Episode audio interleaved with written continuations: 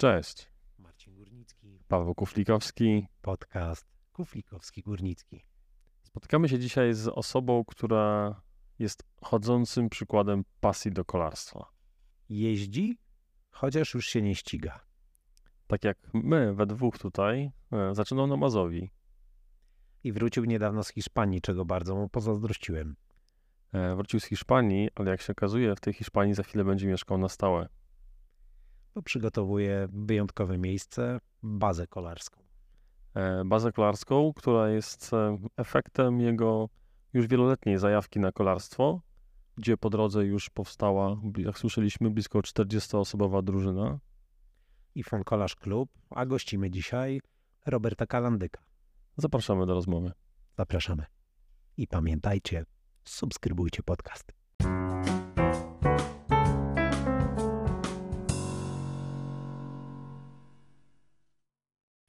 Robert, spotykamy się chwilę, można powiedzieć, po wakacjach. E, Ja wróciłem z ciepłego kraju, ty też wróciłeś z ciepłego kraju. Zaczynamy trochę od końca tej historii.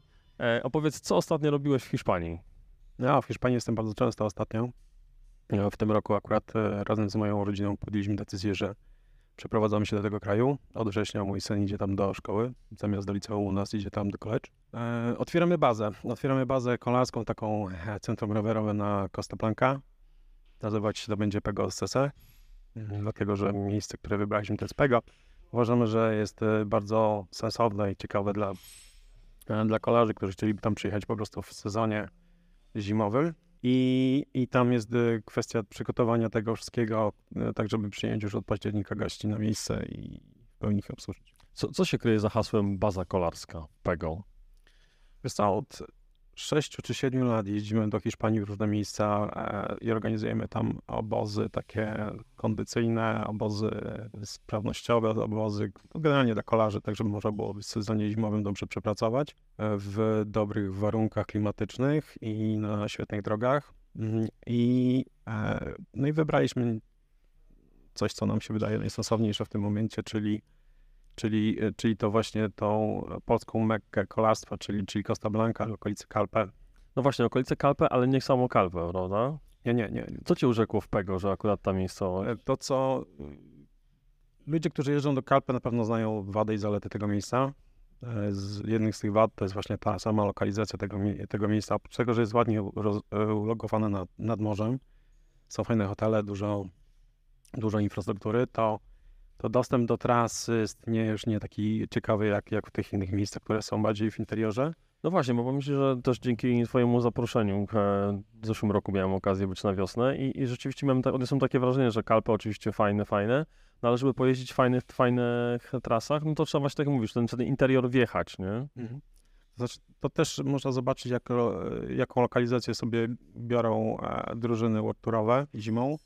Nie zawsze jest to Kalpę, czasami tak, ale też czy, czy dużo drużyn wybiera właśnie tą, tą, tą bardziej na północ tereny, czyli tam okolice Oliwii, Oli, e, Gandhi, e, Pego, Deni. To są te miejsca, którego są od razu fajne, ciekawe trasy. I bliżej gór tak naprawdę od razu, no. No, bezpośredni dostęp do gór e, o różnym różnicowaniu tras, e, od dosyć stromych przez te, które, które są tam najczęściej, czyli takie ze średnim nachyleniem około 4-5%. No i płaskie, dosyć płaskie tereny, które tam właśnie w tym Pego. Pego, Pego to jest takie miejsce, w którym e, e, otoczone jest z trzech stron górami. E, Czwarta strona to jest taki otwarty teren w parku naturalnym, w którym jest, są, rośnie rośnie ryż, który jest używany do tej paeli walencjany. Ten taki lekko żółty, prawda? On jest taki mniejszy niż taki zwykły chiński ryż, taki perłowy, on troszeczkę inaczej smakuje, inną konsystencję po ugotowaniu. No, specjalnie taki pod tą paję walencjany. No właśnie, to co cię bardziej urzekło? E, Trasy kolarskie czy k- k- kulinarna kuchnia hiszpańska? No, ja jeżdżę dlatego, żeby jeść. E, No i e, jak mówię, Chyba wszyscy mamy tą samą politykę. spojrzenie. Tak, spojrzałem na Marcina. Marcin, kiedy ostatnio jadłeś litrowe lody? Ojejku, ale wiesz, strzeliłeś się idealnie, bo wczoraj poszedłem z dzieciakami do Biedronki i kupiłem litr bakali, ponad litr bakaliowych ulubionych lodów. I już nie ma. Miałem zostawić Stasiowi na dzisiaj i niestety nie ma. Niedobry tata. Także jeden z moich ulubionych treningów to jest właśnie wyjazd e, po płaskim do samej Walencji. bo e, przejażdżka po tym pięknym mieście i, z powrotem daje mi to dokładnie 200 km i niewiel, niewielkie przewyższenie. W tamtym miejscu jest to nieoczywiste, ale da się zrobić. Ale to Wtedy się jedzie bardzo mocno nad, nad morzem bezpośrednio de facto? Czy... No jedziesz jakieś od 100 do nie wiem, 500 metrów od morza, taką, takimi trasami między e, sadami pomarańczowymi, no i ścieżkami tylko i wyłącznie dla rowerów. Asfalt oczywiście, Tak. czyli szosa. Tak. Rozumiem, że będzie to miejsce, które będzie funkcjonowało przez cały rok. Tak, tak. Bierzemy dużą kamienicę, kupujemy razem ze wspólnikiem e, i tam będą cztery piętra funkcyjne e, z pięć pięter nawet, czyli trzy piętra, które, będzie można mieszkać w osobnych mieszkankach. Na dole będzie duża rowerownia z możliwością wynajmu, z serwisem e, i jakby takim miejscem, gdzie można sobie ten sprzęt przygotować, umyć. No i na górze taras z otwartą kuchnią, z możliwością posiedzenia i, no i spędzenia czasu razem i oglądania tych widoków, które są dookoła. Powiedziałeś o górach. E, Czy jest to głównie miejsce nastawione na kolarzy szosowych, czy też osoby, które jeżdżą na gravelach, e, na rowerach górskich, też są tam mile widziane i znajdą coś dla siebie? Zarówno gravele, jak i rowery górskie są teraz e, tam bardzo popularne w tym miejscu. Przypomnę Ci Marcin, że na wiosnę, że na wiosnę, zimą w sumie, właśnie Costa Blanca Bike Race. E, są, są tam epickie trasy MTB. E, Basia Borowiecka, która też przecież stacjonuje tam przez, przez wiele miesięcy zimą. E, też na rowerze górskim bardzo często tam jeździ i nie jeździ po asfalcie. Tak, tras jest tam bardzo dużo. Nie tylko e, właśnie ta Costa Blanca jakby całą szosą stoi, aczkolwiek jest bardzo mocna. Także też będziemy, będziemy organizować takie, zawody, takie obozy, które, mm, które będą tylko nastawione dla kolarzy, którzy będą przyjeżdżać dla no, typowo, nie wiem, szosowi. Typowo, Treningowo może być bazę, nie? tak, tak, żeby można było tam też jeździć po MTB i można było jeździć na, też gravelem, pokazać trasy, które tam są na miejscu. E, I co tam jeszcze chcecie wiedzieć o tej bazie? To będzie taka baza, która, e, którą, którą po prostu sami chcielibyśmy być w tamtym miejscu. E, Wydaje mi się, że można zrobić wszystko. Jest tym miejscowość, w której mieszkamy, jest dostęp do basenu, jest e, dostęp do bieżni, bezpośrednio wyjście w góry, także zapraszamy też. A to będzie takie miejsce bardziej dla, dla drużyn, czy na przykład, nie wiem, jakaś para, jakieś tam dwie, trzy osoby będą mogły sobie mm, przy, przyje, przyjechać i wynająć jakąś przestrzeń, czy raczej nastawiacie się na większe, większe ekipy? Na pewno jakby pierwszeństwo będą miały drużyny, które będą mogły przyjechać, które będzie, będziemy mogli tam przynieść do 18 osób razem. Mhm. To jest też taki problem dosyć ze znalezieniem miejsca w tamtym miejscu, gdzie, mm, gdzie, gdzie takie osoby mogłyby przyjechać i e, efektywnie potrenować, ze względu na to, że kolarz ma specyfikę taką pobytu, gdzie hotel nie do końca odpowiada ze względu na to, że to Micha jednak samo, samemu trzeba sobie przygotować, więc do- dostęp do kuchni jest dosyć istotny. Rower w hotelu też rzadko się da włożyć do pokoju, No tak, bo, bo ściany, bo dywany, bo coś tam. Dokładnie tak. A tutaj będzie wszystko tak przygotowane po to, żeby można było przyjechać i efektywnie sobie spędzić czas na miejscu. To jakieś takie, Robert, twoje marzenie sprzed kilku lat, żeby coś takiego e, stworzyć? Tak, no ja zawsze poszukiwałem takiego miejsca, w którym, którym można było coś takiego zrobić. Teraz wydaje mi się, że to jest takie dosyć optymalne miejsce na, na to, żeby coś takiego przygotować. Zobaczymy po tym sezonie, jak, jak nam to wyjdzie. Będziemy się starać jak najbardziej, e, żeby, żeby było to miejsce pierwszego wyboru w tamtym miejscu. A jeśli chodzi o sezonowość, e, jak bardzo gorąco w tej chwili jest w Hiszpanii? Da się pojeździć jeszcze na rowerze teraz w lipcu, sierpniu, czy, czy to jest tak, że tylko o świcie albo o zmierzchu? O tej porze. No, odpowiedziałeś sobie na pytanie o świcie albo o zmierzchu. Oczywiście są też szkolarze, którzy w ciągu dnia jeżdżą. E, podziwiam. E, tam jest w tej chwili jakieś 30, 36 stopni, 38 również bywa. Mm, jazda w takiej temperaturze jest dobra, może efektywna treningowa, ale człowiek no, no, trzeba się do tego przygotować. Jazda o świcie jak najbardziej, e, często właśnie kolarze spo- spotykają się w grupkach i oni, wtedy można ich zobaczyć faktycznie wyjeżdżając zaraz po siódmej, jak się robi jazda. Mhm. No właśnie, ja to za świeżo wróciłem akurat z Chorwacji, gdzie było 38-40 stopni i mimo tego, że mieliśmy ze sobą rowery i całkiem fajne trasy w okolicy, to tak naprawdę tylko dwa razy solidnie pojeździłem na rowerze, bo To, to miejsce żyje cały rok, także no, też nie tylko zimą, ale latem również e, dużo osób jeździ. Oczywiście latem więcej lokasów niż, niż osoby z zewnątrz. Właśnie ja już nic nie chciałem mówić e, na początku, ale powiem to teraz, jak już jesteśmy trochę dalej w naszej rozmowie, że to było mało fajne, kiedy zaczęliście sobie wspominać, kto gdzie był na wakacjach. Jeden był w Hiszpanii, drugi był w Chorwacji. Bo Ja nie wiem co, no mogę wspominać, że byłem w Janowie Lubelskim. ale byłeś ze swoimi chłopakami pod namiotem. Dopiero co. Tak, na działce. Wakacje, wakacje. Wakacje. Robert, e, w tym roku sporo kolarsko się zadziało w twoim e, życiu. Niekoniecznie z pers- perspektywy siodełka czy kierownicy, e, no ale byłeś na co najmniej dwóch, przynajmniej ja o tym wiem, dwóch kultowych, epickich imprezach kolarskich. Co tam, co cię tam zaciągnęło w ogóle? Nie, to trzech byłeś. Gdzie? Już mam w głowie trzy. Co, co cię tam zaprowadziło? Jeśli mówisz o Cape Epiku, e, Tak, no chronologicznie możemy pójść. Chyba Tak, pierwszy był tak. Cape Epic w tym to, sezonie. to był marzec. E, Pojechałem tam razem z moim e, kolegą, przyjacielem z Hiszpanii, Sebastianem, który e, startował w tym roku razem ze Zbigniewem. I miałem taki plan, żeby po prostu zrobić taką relację na miejscu z mm, startów naszych, naszych par. Tym roku wystąpiły trzy. W trzy były wszystkie, e, ci ludzie, którzy tam startowali, byli rewelacyjni. Oczywiście wiadomo, no, e, no, klasa sama w sobie, Misiaszki, Bogodziewicze, czy tam też e, Eskomy, to, to, to jest klasa sama w sobie. Człowiek nie wiem, czy dotarła do ciebie historia Eskomu jako, jako marki w, Afryce, w RPA w ogóle. Tak, tak, tam dosyć, dosyć mocno ska- skandowane, jak ich widziano. Generalnie speaker starał się wytłumaczyć, że to nie jest ten, ten sam Eskom, który, który jest firmą e, dostarczającą energię w tym kraju. Tak, która wielokrotnie zawodzi i każdego dnia zawodzi w dostarczaniu tej energii, z tego co wiem. Tak to jest.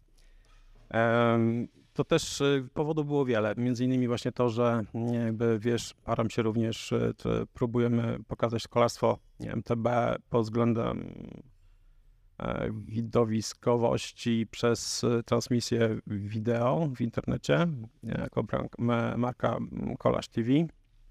E, Tam e, od wielu lat y, współpracują z e, Seven Ballsem, który właśnie w ten sposób właśnie pokazuje też tą transmisję poprzez e, kolarzy, którzy mają na sobie kamery i jeżdżą na rowerach e, EMTB. Podglądałeś przy okazji to, jak oni to robią? E, Tak, podglądałem jak, to wygl- jak, jak oni to robią, jak wygląda techno- technologia. Wymieniliśmy przed troszeczkę e, wiedzą na ten temat. Z innych, z innych powodów to było to, że chciałem zawsze pojechać do e, Afryki Południowej i być tak jak e, kolega e, tutaj w tamtym miejscu i poczuć ten, tą atmosferę. Spaliście w, namiotach w miasteczku, czy byliście poza? Organizator tak zapewnił mi tam na miejscu możliwość spania na polu namiotowym, także wielki szacunek dla tych ludzi, którzy tam budzili się wcześniej rano, przygotowali sobie rowerki i szli na tą linię startu. Mm. Marzłeś bardzo? W tym, pogo- w tym roku była pogoda bardzo... Jedna z tych trudniejszych, które podobno w ostatnich latach. Pamiętam, że jakaś wichura była, jakiś namiot chyba porwało, więc, więc to z roku na rok chyba w ogóle tych kataklizmów będzie coraz więcej. Tak, Tak, ja w pewnym w ogóle porzuciłem buty i chodziłem wszędzie na bosaka, bo to było takie błoto praktycznie po łydki. Wszędzie. Mm, Deszcz padał, e, nadmiarę ze słońcem, wiatr, który rozwalał tam namioty, trudno było spać, to też ci kolarze też nie do końca mogli się zregenerować w nocy.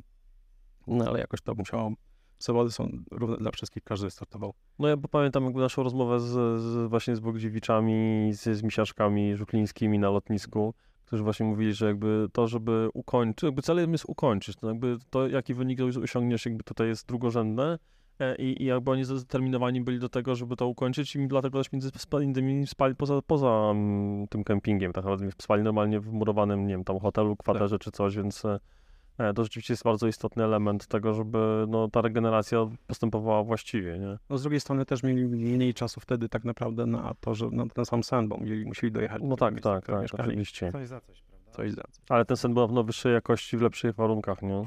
Zgadza się. Aczkolwiek to mówi, że, że, że celem było ukończenie. Tak naprawdę celem wydawało mi się, to była dobra zabawa na miejscu. I Mhm. to, to było widać po chłopakach, którzy zjeżdżając e, po, po każdym etapie po prostu mieli to, tą radochę z tego po prostu, że przeżyli. Ale tą radość widziałeś na twarzy każdego zawodnika od czołówki do, do końca, czy, czy mówisz teraz tylko o naszych... E... Mówię o naszych zawodnikach. Mhm. Ty, ty, Paweł, powiedziałeś tutaj o kwestii regeneracji. Tu się oczywiście z tobą zgodzę w kontekście chłopaków, którzy spali e, poza jakby miasteczkiem zawodów, ale też nie zapominaj, że tutaj e, duże znaczenie miała możliwość gotowania sobie, przyrządzania posiłków, tak? Nie byli skazani na to, co zapewnia organizator.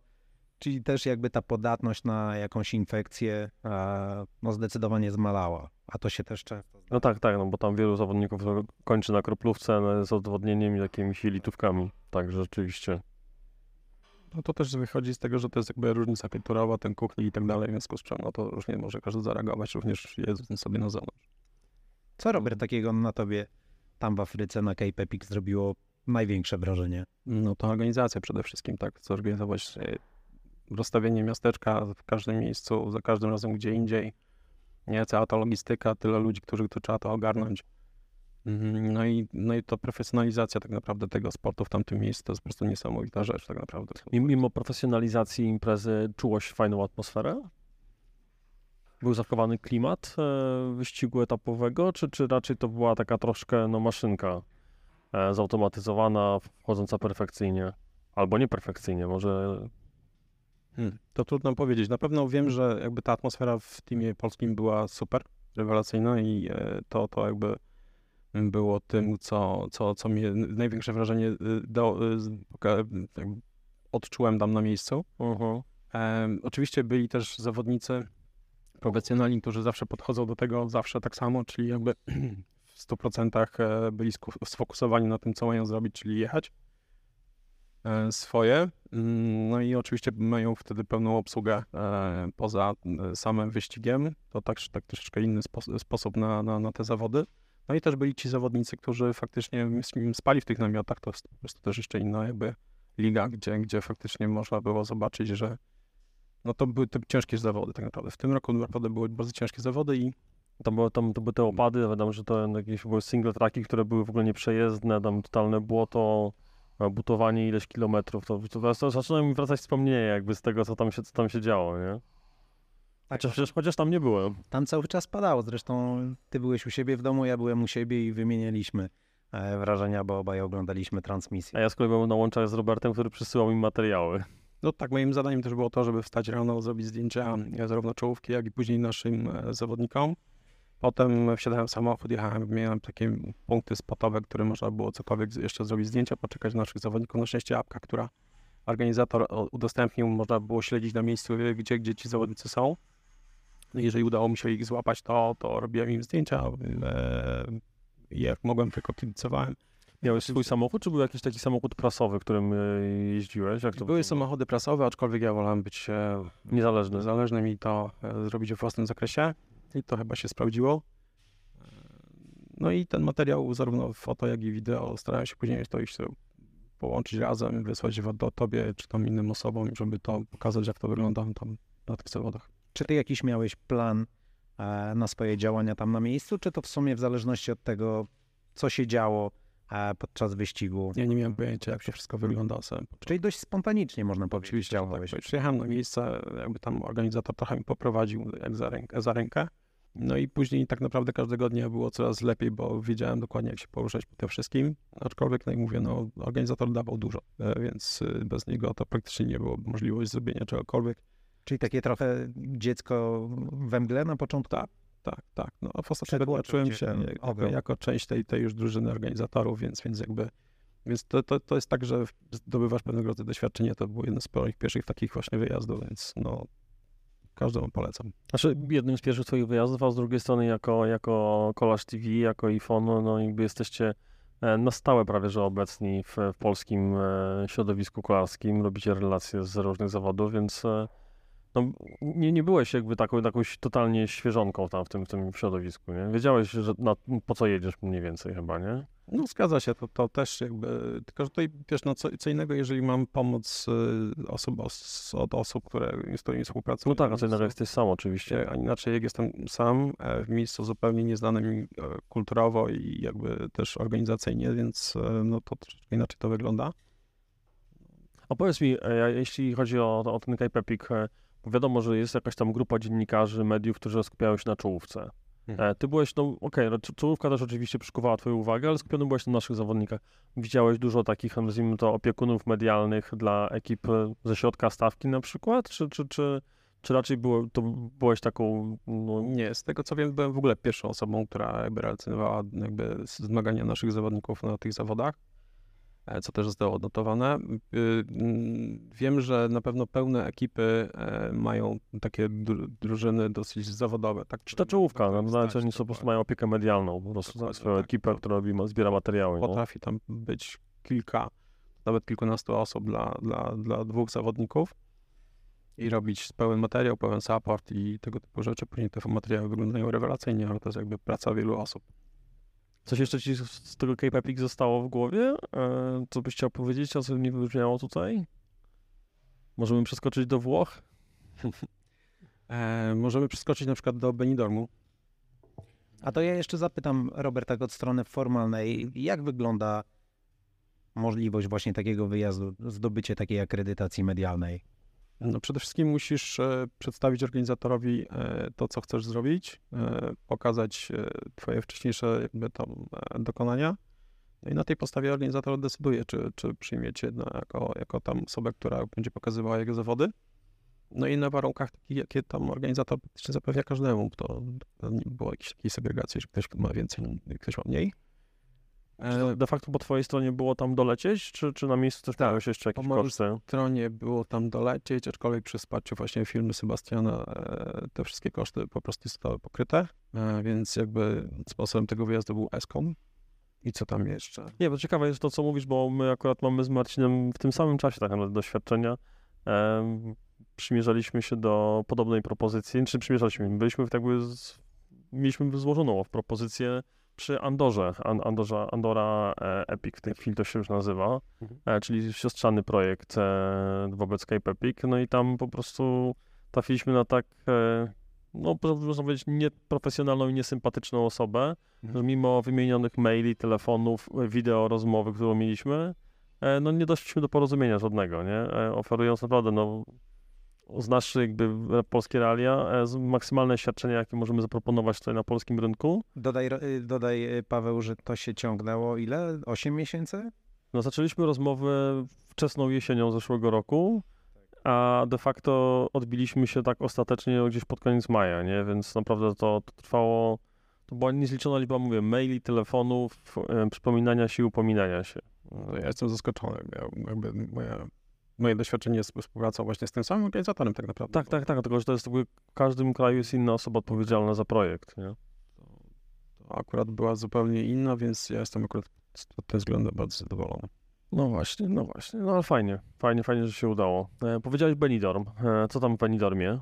W Benidormie były e, Puchar Świata przy łajach. Ach, no tak, no tak, właśnie, czy to już jest czwarta impreza, która, gruba impreza, w której brałeś udział w tym, w tym roku. To Czyli było, nie poszliśmy chronologicznie. no właśnie nie, bo to był styczeń, nie? 20 chyba któryś stycznia, tak pamiętam. To były pierwsze w ogóle moje zawody, na które dostałem jakąkolwiek akredytację.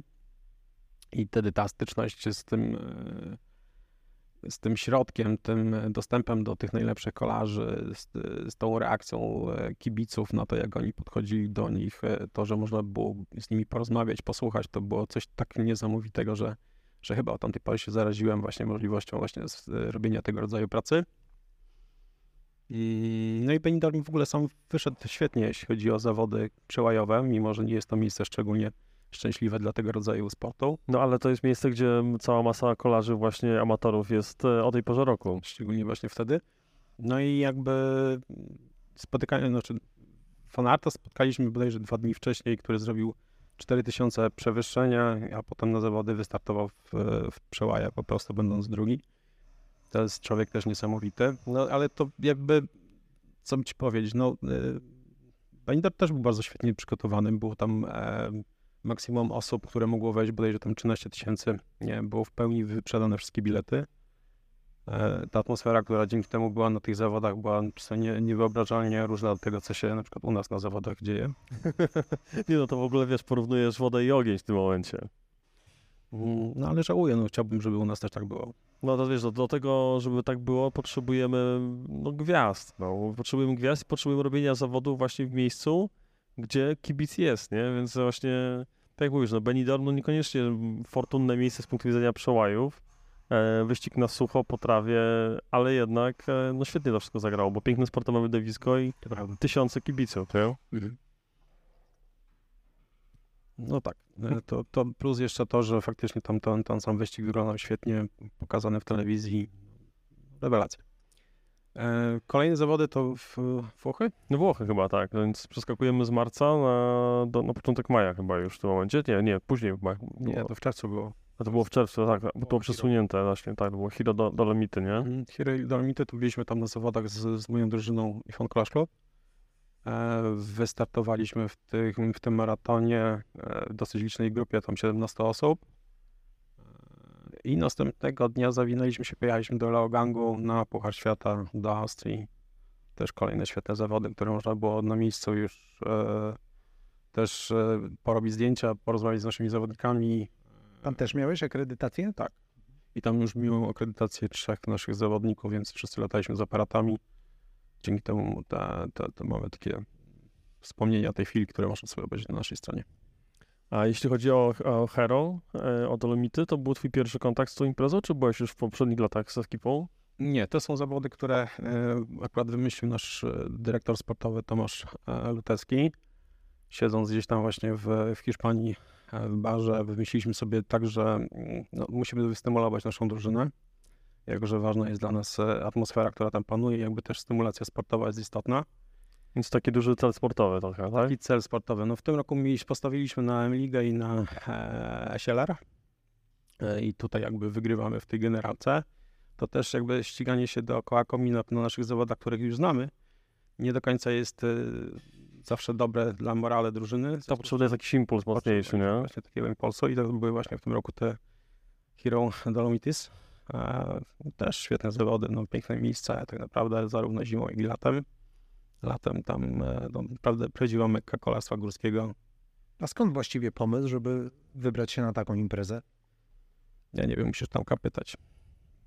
Generalnie to są jedne z tych zawodów, które, które są bardzo ciężkie. No, nie jesteśmy przygotowani, jakby nie, nie, nie predysponujemy na to, że nasza drużyna jest z, z, z terenów e, nizinnych, tak? czyli z Płaskopolski. Płaskopolski i Mazowsza. Ale, ale jakby widzisz, no staramy się uprawiać to kolarstwo górskie, sama nazwa jakby tutaj każe nam po prostu e, uprawiać ten sport w miejscu, do którego jest przeznaczone. To Robert, czy już e, poczyniłeś rozmowę z dyrektorem Luteckim na ten temat, żeby w przyszłym roku na przykład wystawić e, kadrę iPhone'u na wspomnianym wcześniej Cape Epic? Na Cape Epicu nie, na pewno wystartujemy w Costa Blanca Race na Mhm. tej etapówce. No tak, będziecie na miejscu, będziecie jakby mieli swoją bazę, zaplecze, więc e, Wiesz o tym, że Cape Epic dostać się na te zawody są, jest, jest bardzo ciężko. E, Musielibyśmy to zrobić albo, albo poprzez start w innych zawodach tego cyklu, a to wymaga czasu i pieniędzy. No niestety. Zwłaszcza chyba pieniędzy. Dokładnie tak. Akurat mm, no, akurat Costa Blanca Race nas e, tam predysponuje ze względu na to, że będziemy mieć własną bazę, będzie można się spokojnie tam profesjonalnie przygotować. ile tak mniej więcej e, kilometrowo albo czasowo jest między, między Bego a, a startem Costa Blanca Bike Race? Bo tam ten start jest gdzieś tam ze styku Calpe i Altei bodajże. E, Tam jest chyba bodajże dwa albo trzy miejsca, w których startują, zależy od roku. E, no, Też z Centrum Kalpa też startują również. E, No to mamy tak naprawdę 30 km jazdy samochodem czy rowerem. mhm. No tak, no można nawet rozgrzewkę zrobić w pewnym sensie, chociaż to nie jest jazda w dół ani po płaskim akurat, żeby tam dotrzeć. To prawda. A powiedziałeś e, o drużynie iPhone e, Kolarz Klub. Ile ten projekt już e, istnieje? Bo 2016 rok to kiedy otworzyliśmy razem z, ze swoim, z moim wspólnikiem i siostrą i szwagrem. E, Potem, potem się okazało, że, że sprawia nam to frajdę. Powiększyliśmy drużynę o kolejne osoby. to teraz ile liczy ekipa? W tej chwili mamy prawie 40 osób i raczej nie przyjmujemy nowych. Ze względu na to, że Marcin, widzisz, nie ma miejsca dla ciebie. utrzymanie, utrzymanie Dzięki. jakby takiej dużej drużyny to jest jednak duży wysiłek s- organizacyjny, logistyczny. A jak w ogóle trafiliście do kolarstwa? To, to była na zasadzie, że startowaliście gdzieś lokalnie w jakichś zawodach, rodzinnie, ty, żona, ktoś tam, czy... Wtedy to były takie zawody typu właśnie Langa czy, czy, czy Mazowia. E, I w tych zawodach właśnie za, zarówno mój wspólnik, jak i, jak i e, siostra z, ze szwagrem e, startowali. Jak, jaki był twój pierwszy start? Gdzie, gdzie ty zaliczyłeś swój pierwszy start? Mazowia, myślę, że to była Mazowia u Czaka Zamany. Kiedyś była cyklopedia, można by wejść, zobaczyć. Tak, tak, tak, tak. Ja kiedyś e. Czarkowi wspominałem, że ubicie cyklopedii to była jedna z gorszych rzeczy, jakie zrobił, bo naprawdę To był mój dzienniczek. E, dzisiaj jest strawa oczywiście, w każdym ma to, tylko tam było fajnie to uporządkowane. No tak, i progres E, procentowy. Tak, tak, tak, tak. No tego, tego brakuje. Czyli co, a ty to gdzie zaczynałeś Marcin, jeśli chodzi o MTB, poza tym downhillem z zjazdem? Ja Też na Mazowie zaczynałeś? 24-godzinnej Mazowi. O proszę, Mazowia nas łączy. A później pierwszy wyścig w Kazimierzu. Też Mazowia, Kazimierz, Też tak. Tak. No, no, no. I co, zapaliście bakcyla, tak? E, No, do, do tego maratonu, do tego jeżdżenia. Tak, no, I- to też jakby mm, wsparcie firmy, której, której pracuję, którą prowadzę, e, dosyć dużo pomogło, ze względu na to, że jakby e, łatwiej było pewne rzeczy po, pozałatwiać. Razem w grupie jesteśmy silniejsi. W związku z czym e, mm, no też skille tych osób, które u nas są w drużynie też nam pomagają w tym, że to wszystko ładnie jest, e, pracuje jak naoliwiona maszyna. Ile osób e, w dzisiejszym składzie jest z tych, którzy byli, nazwijmy to, założycielami drużyny, czyli te 7 lat już jest e, w ekipie? Mm, Na pewno trzy osoby z takiego koru totalnego, Mhm. no ale też zaczynaliśmy od czterech osób, więc no, osoba No tak, została- tak, tak. jedna osoba odeszła ze względu na to, że, że, że urodziła dziecko. E, no i później kolejne osoby, przychodziły dwie osoby, które są przyjacielami drużyny, do dzisiaj do nas przyjeżdżają na zgrupowania, ale nie startują ze względu na to, że już po prostu im się to znudziło, bądź też życie się tak ułożyło. Jesteście warszawsko-łódzką drużyną? Dokładnie tak. A gdzie, gdzie wasze serce bardziej bije? W Warszawie, czy w Łodzi, czy w Ożarowie?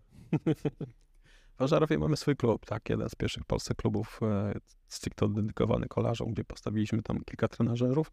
A, w ogóle macie jakąś siedzibę, macie jakby budynek, macie klub, tak, że można tam nie wiem, wspólnie treningi robić, może jakaś siłownia razem, coś takiego typu rzeczy? Tak, tak, mamy siłownię, mamy właśnie te 8 trenażerów e, z komputerami skonfigurowane pod Swifta. U nas były robione pierwsze mistrzostwa Polski Swiftowe, bodajże z tego co pamiętam, jeszcze nieoficjalne. No, proszę. Jeszcze przed stadionem. Na, na, stadionie to już były. Aha, to były już tak, bo to były nie tylko Mistrzostwa Świata, ale też były te. mm, Tak, Mistrzostwa Polski też na stadionie były, racja. Rzeczywiście. No. Ale macie to głównie, głównie czy tylko dorosłych zawodników? Czy, czy gdzieś tam kiełkuje młodzież w waszym klubie również? Przed pandemią prowadziliśmy w ogóle grupę dziecięcą. I jeszcze na zmianę zawodnicy z naszej drużyny po prostu e, mieli dyżury takie treningowe. E, to się troszeczkę przez pandemię nam rozmyło. E, mamy też młodzież. Jest, mamy trzech zawodników e, bardzo obiecujących w tym momencie, którzy punktują do, bardzo dobrze dla drużyny. Staramy się e, celować w, jakby w tych kategoriach drużynowych, bo jakby tutaj mamy siłę tego, że jesteśmy razem, wspólnie startujemy. Oczywiście też jakby zawodnicy indywidualnie zdobywają, zdobywają swoje jakby tam cele, ale, ale dla nas jakby z całości jest ważna drużyna. Mhm. To, to w tych cyklach tak naprawdę na tym, na tym narodzie nam zależy, na tym, żeby się fajnie pokazać, żeby, żeby mieć tego fan i żeby wspólnie startować. Łatwo się zarządza taką grupą ludzi, no bo jest to jakby twoje dodatkowe zajęcie. Czasem to jest taki, pasja. wiesz, jakby praca na pełen etat, nie? Jeżeli są przygotowane jakieś zawody, wyjazd, e, bądź też czas zrobić jakieś dodatkowe rzeczy, no to, no to to kosztuje jednak trochę czasu, zasobów, tak? No ale teraz e, trochę rzeczy też jakby scedowałem na inne osoby, co też jakby dobrze to mm, e, zrobiło dla drużyny. No właśnie, bo jakby masz dużo doświadczenia biznesowego, więc e, jakby podstawą dobrego biznesu jest umiejętność delegowania zadań, prawda? Więc e, niestety tak nie potrafię. Staram się cały czas, jak mogę się tego uczyć. No ale to tak, tak, tak to wygląda.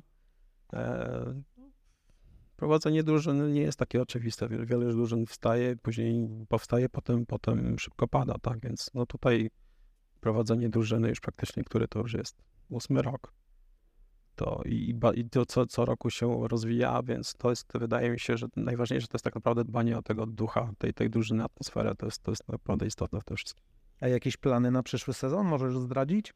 No, pierwszy zaczynamy w styczniu od tej Costa Blanki Race. Potem, e, potem to oczywiście... będą, przepraszam, wezmę zdanie, bo mnie zawsze to zastanawia, to będą starty amatorskie w Costa Blanca, czy wy robicie Tak. jakieś licencje Tak, masterskie? Jesteśmy, nie, my jesteśmy drużyną stricte amatorską. To robimy tylko i wyłącznie dla, dla naszego fanu, dla zabawy. No oczywiście no, te cykle, które, które startują w tej chwili, to rezygnować z nich nie będziemy. E, oczywiście część zawodników również startuje w tych polskich etapówkach, e, też startuje w bike maratonie. Coś tu powiedzieć, no na pewno będziemy planować, zawsze robimy takie spotkanie wolne, na, często na, no właśnie na zgrupowaniach e, ono ma miejsce i wtedy decydujemy grupowo, e, jakie mamy cele na dany sezon. Właśnie wspomniałeś, że macie dyrektora sportowego, macie jeszcze inne takie funkcyjne osoby, rzeczywiście w tej chwili już w drużynie tak poukładane, nie wiem, macie, nie wiem, mniejsze, nie wiem, osobę odpowiedzialną za dany cykl, za, za, za jakieś starty, jakieś tam, nie wiem, jak to nazwać, nie wiem, marszali albo, albo jakiś tam... Księgowego. Nie, nie, księgowe to na pewno tu z nami siedzi teraz. E, nie, bardziej mi chodzi o to, że, że jakby, no jak mówić, 40 osób, nie? Więc to, żeby to jakoś funkcjonowało, to nie może być chyba jeden dyrektor sportowy, który wszystko to ogarnia e, i ty, tylko chyba jeszcze są jakieś, nie wiem, mniejsze grupki właśnie, typu właśnie, że ktoś tam odpowiada za M-Ligę i koordynuje to, ktoś tam za Schellera.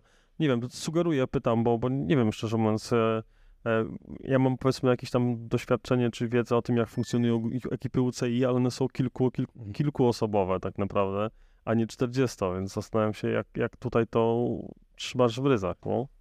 Znaczy, generalnie jest tak, że jakby z tak, taki e, formę jakby ukształtowania tej drużyny i tego, jak ona, ona, ona idzie do przodu, wypracowana jest wspólnie w takim e, ścisłym gronie e, kierowniczym. E, No i później e, pewnego rodzaju dyskusje podrzucamy na temat, na temat na, na forum ogólnym. Mhm. I, te pewnego rodzaju właśnie problemy, bądź też e, kwestie do, do, do uzgodnienia są wtedy om- omawiane na, na szerszym polu. Nie, nie dałoby się niestety pracować e, w takiej drużynie w sposób demokratyczny, ponieważ każdy ma inne cele. I e, to często się rozmywa, więc, więc musi być jakiś taki cel ustalony główny, a potem, potem już idziemy duchem całej drużyny. No oczywiście jak pytałeś się o te skille drużynowe, no, no to mamy kilku mechaników, e, którzy, którzy pracują faktycznie na etacie e, rowerowym i to nam dużo, dużo ułatwia w, w zakresie pomocy. Mamy osoby, które e, mają wiedzę medyczną, ja chociażby jestem ratownikiem medycznym, który O tym za chwilę porozmawiam. nie praktykuje, ale, ale się stara i e, robi jakieś tam kursy też z pierwszej pomocy. Co tam jeszcze? Mamy farmaceutkę, mamy też e, osoby, które, które też jakby są medialnie, prowadzą różnego rodzaju tam, w, tak jak chociażby Łukasz Pawlak, który prowadzi cyklomaniacy. Mhm. I jakby ten, ten cały łódzki, e, łódzką stronę jest prowadzona z tamtej strony, no i więc jakby no, też płynie, za każdym razem są różne tematy do rozwiązania i je staramy się na bieżąco rozwiązywać. Kolarstwie tak naprawdę mówi się raczej o mecenasie, o mecenatach niż o sponsoringu. Pamiętam naszą rozmowę jakiś, jakiś czas temu. Wspomniałeś, że, że bycie obecnym z marką IFO jest dla ciebie w jakiś tam sposób e, opłacalne, nie? E, Więc e, tak jak na to patrzysz z perspektywy już tych 7-8 lat, to jest mecenat, czy sponsoring, czy coś pośrodku? Coś po środku. Nie, na pewno no, nasza firma zajmuje się usługami typowo wirtualnymi, więc jakby no, to, żeby pokazać klientom, że jesteśmy faktycznie ludźmi z krwi i kości, To musicie do nich dowieść do ludzi po prostu. po prostu musimy się pokazać, tak, no, że, że faktycznie też się pocimy, też jeździmy, też, też mamy cele i realizujemy poza tym, co robimy na, na, na co dzień. Czy to nam się w jakikolwiek sposób opłaca? Myślę, że tak, no jakiś, ja, można by było w te wszystkie pieniądze, które są e, inwestowane w tą e, drużynę, można by było też wydawać na jakąś reklamę w internetach, e, czy też w innych środkach. A wydaje mi się, że ten sposób jest przyjemniejszy i fajniejszy, dla, przynajmniej dla nas, e, a to, co robimy, to, pod, dla fanu, prawda? Czy to od początku był taki wieloletni projekt, czy zakładaliście krótszy okres czasu i zobaczymy, jak to później wyjdzie? Wiesz co, ja mam tak, że nie potrafię zamykać e, projektów. Jeżeli już coś prowadzę, to staram się to robić do końca, nawet jakby tego końca miało nie być. No więc to tylko tak naprawdę moja praca polega na tym, żeby to rozwijać. No i tak to, tak to działa. Kurczę, jakbym trochę słyszał o siebie w kontekście mojego portalu, którym tak myślę zamknąć, nie zamknąć, ciągnąć, nie ciągnąć. Trudno zamknąć, to jeśli ma jakieś dziecko, które się pro, prowadziło przez parę lat, prawda? No, dokładnie, dokładnie. Jakby czym to... Człowiek z jednej strony dojrzewa do tej decyzji, bo, bo widzi jakby coraz więcej argumentów za tym przemawiających, a, a z drugiej strony właśnie, no kurczę, już tyle lat, nie? Paweł, może przyjdą lepsze czasy i będzie inaczej troszeczkę w tej naszej branży. Przyjdą, Paweł. Ja ja ja się słyszę- Impost w Polskim Związku Tak, to jutro, to jutro, cicho, nie spoiler. A nie, jutro już będzie po, po konferencji, to możemy, tak. Znaczy ja nie, nie znam szczegółów, ale nie wiem, czy widziałeś informację. Tak, e, zobaczymy, czy będzie Inpost Arena Pruszków, czy, czy będzie coś takiego innego. Zobaczymy, zobaczymy, jak to, jak to się potoczy. Nie no, propos lepszych czasów, no to gdzieś tam po cichu liczę, że e, Natalia Grzegorzewska będzie e, naszym nowym takim objawieniem. Za, za chwilę Paryż Igrzyska, jest szansa, że tam się pojawi. E, dzisiaj odbyły się młodzieżowe Igrzyska, znaczy to się nazywa Festiwal letni festiwal olimpijski młodzieży bodajże w Mariborze. Max Matyjasik piąte miejsce w, w, na, w stawce na wodę takiej mocnej europejskiej. Bardzo ładnie jechał pierwszą połowę wyścigu, potem trochę stracił, no ale piąte miejsce, no. To jest jakby coś, czego w kolarstwie górskim męskim no dawno nie, nie oglądaliśmy. Chyba Marek Galiński się czuł w takich e, lokatach gdzieś tam meldował 15 e, lat temu, więc, więc to jest nieporównywalne, także no, mo, może, może będzie kolejne jakieś objawienie, także, także może te lepsze czasy przyjdą, będą gwiazdy, będą, będzie zainteresowanie mediów, aczkolwiek e, jak to wszyscy, to no, mi się przewija komentarze pod tym postem moim poście, że no tak, no w końcu może przestaną tych patałachów, kopaczy wspierać, pójdą w prawdziwy sport jak kolarstwo, ale co z tego będzie, zobaczymy, no. No nie, no wszędzie brakuje pieniędzy tak naprawdę, na jakiekolwiek transmisje, chociażby to, co w naszej, naszej bajce, czy też innych rzeczy, my to robimy tak naprawdę tylko i wyłącznie e, pro bono, więc nie ma tutaj żadnych pieniędzy z zewnątrz. No właśnie, bo wy tak naprawdę, to też o tym powiedzmy, bo, bo, bo wiele osób może nie kojarzyć, wy tak naprawdę jesteście odpowiedzialni za e, realizację wielu, wielu relacji z bike maratonu, z uphillu na, ście, na Śnieżkę, pamiętam, e, też, też realizowaliście. Tak, robiliśmy też bardzo fajne zawody w zeszłym roku, nie, dwa lata temu to jeszcze to pierwsze zawody, których e, Mistrzostwa Polski MTB w e, Bardo. E, Mistrzostwa Polski Maratonie MTB. To, tak. to pamiętam wtedy. E, e, ja komentowałem to w ogóle był niesamowity majstersztyk, bo ja nie wiem, z jakiegoś powodu nie mogłem pojechać, byłem w Warszawie. E, Robert do mnie zadzwonił, dobra, udostępnię ci sygnał, podłączę ci głos i, i będziemy robić jak w profesjonalnym studiu. z dziupli. Z dziupli po prostu normalnie komentowałem. Pamiętam tam jeszcze Piotrek Kurczap wtedy jechał, z, po, po raz pierwszy był ten taki chyba patent, że kamera była na, na, na kasku i była... pierwszy raz. Tak, tak, tak, tak. I pamiętam, że jechał cały czas tam za, za Basią Borowiecką chyba i mhm. chyba ktoś jeszcze jechał, jako drugi... Dziewa i Konwa jeszcze. A, Mikołaj, Mikołaj Dziewa jechał i Konwa jechali z kolei za, za elitą mężczyzn, nie? Tak, tak, tak, tak. tak. Pokazany... I było rzeczywiście co komentować, nie? Tak, mieliśmy, to było niesamowite, mieliśmy akurat te plecaczki, które wtedy eksperymentowaliśmy ze sprzętem trochę tego sprzętu się przewinęło, ale akurat okazało się, że możemy zrobić coś takiego, co, co wysyła obraz z, z kamerki sportowej do nas, do studia.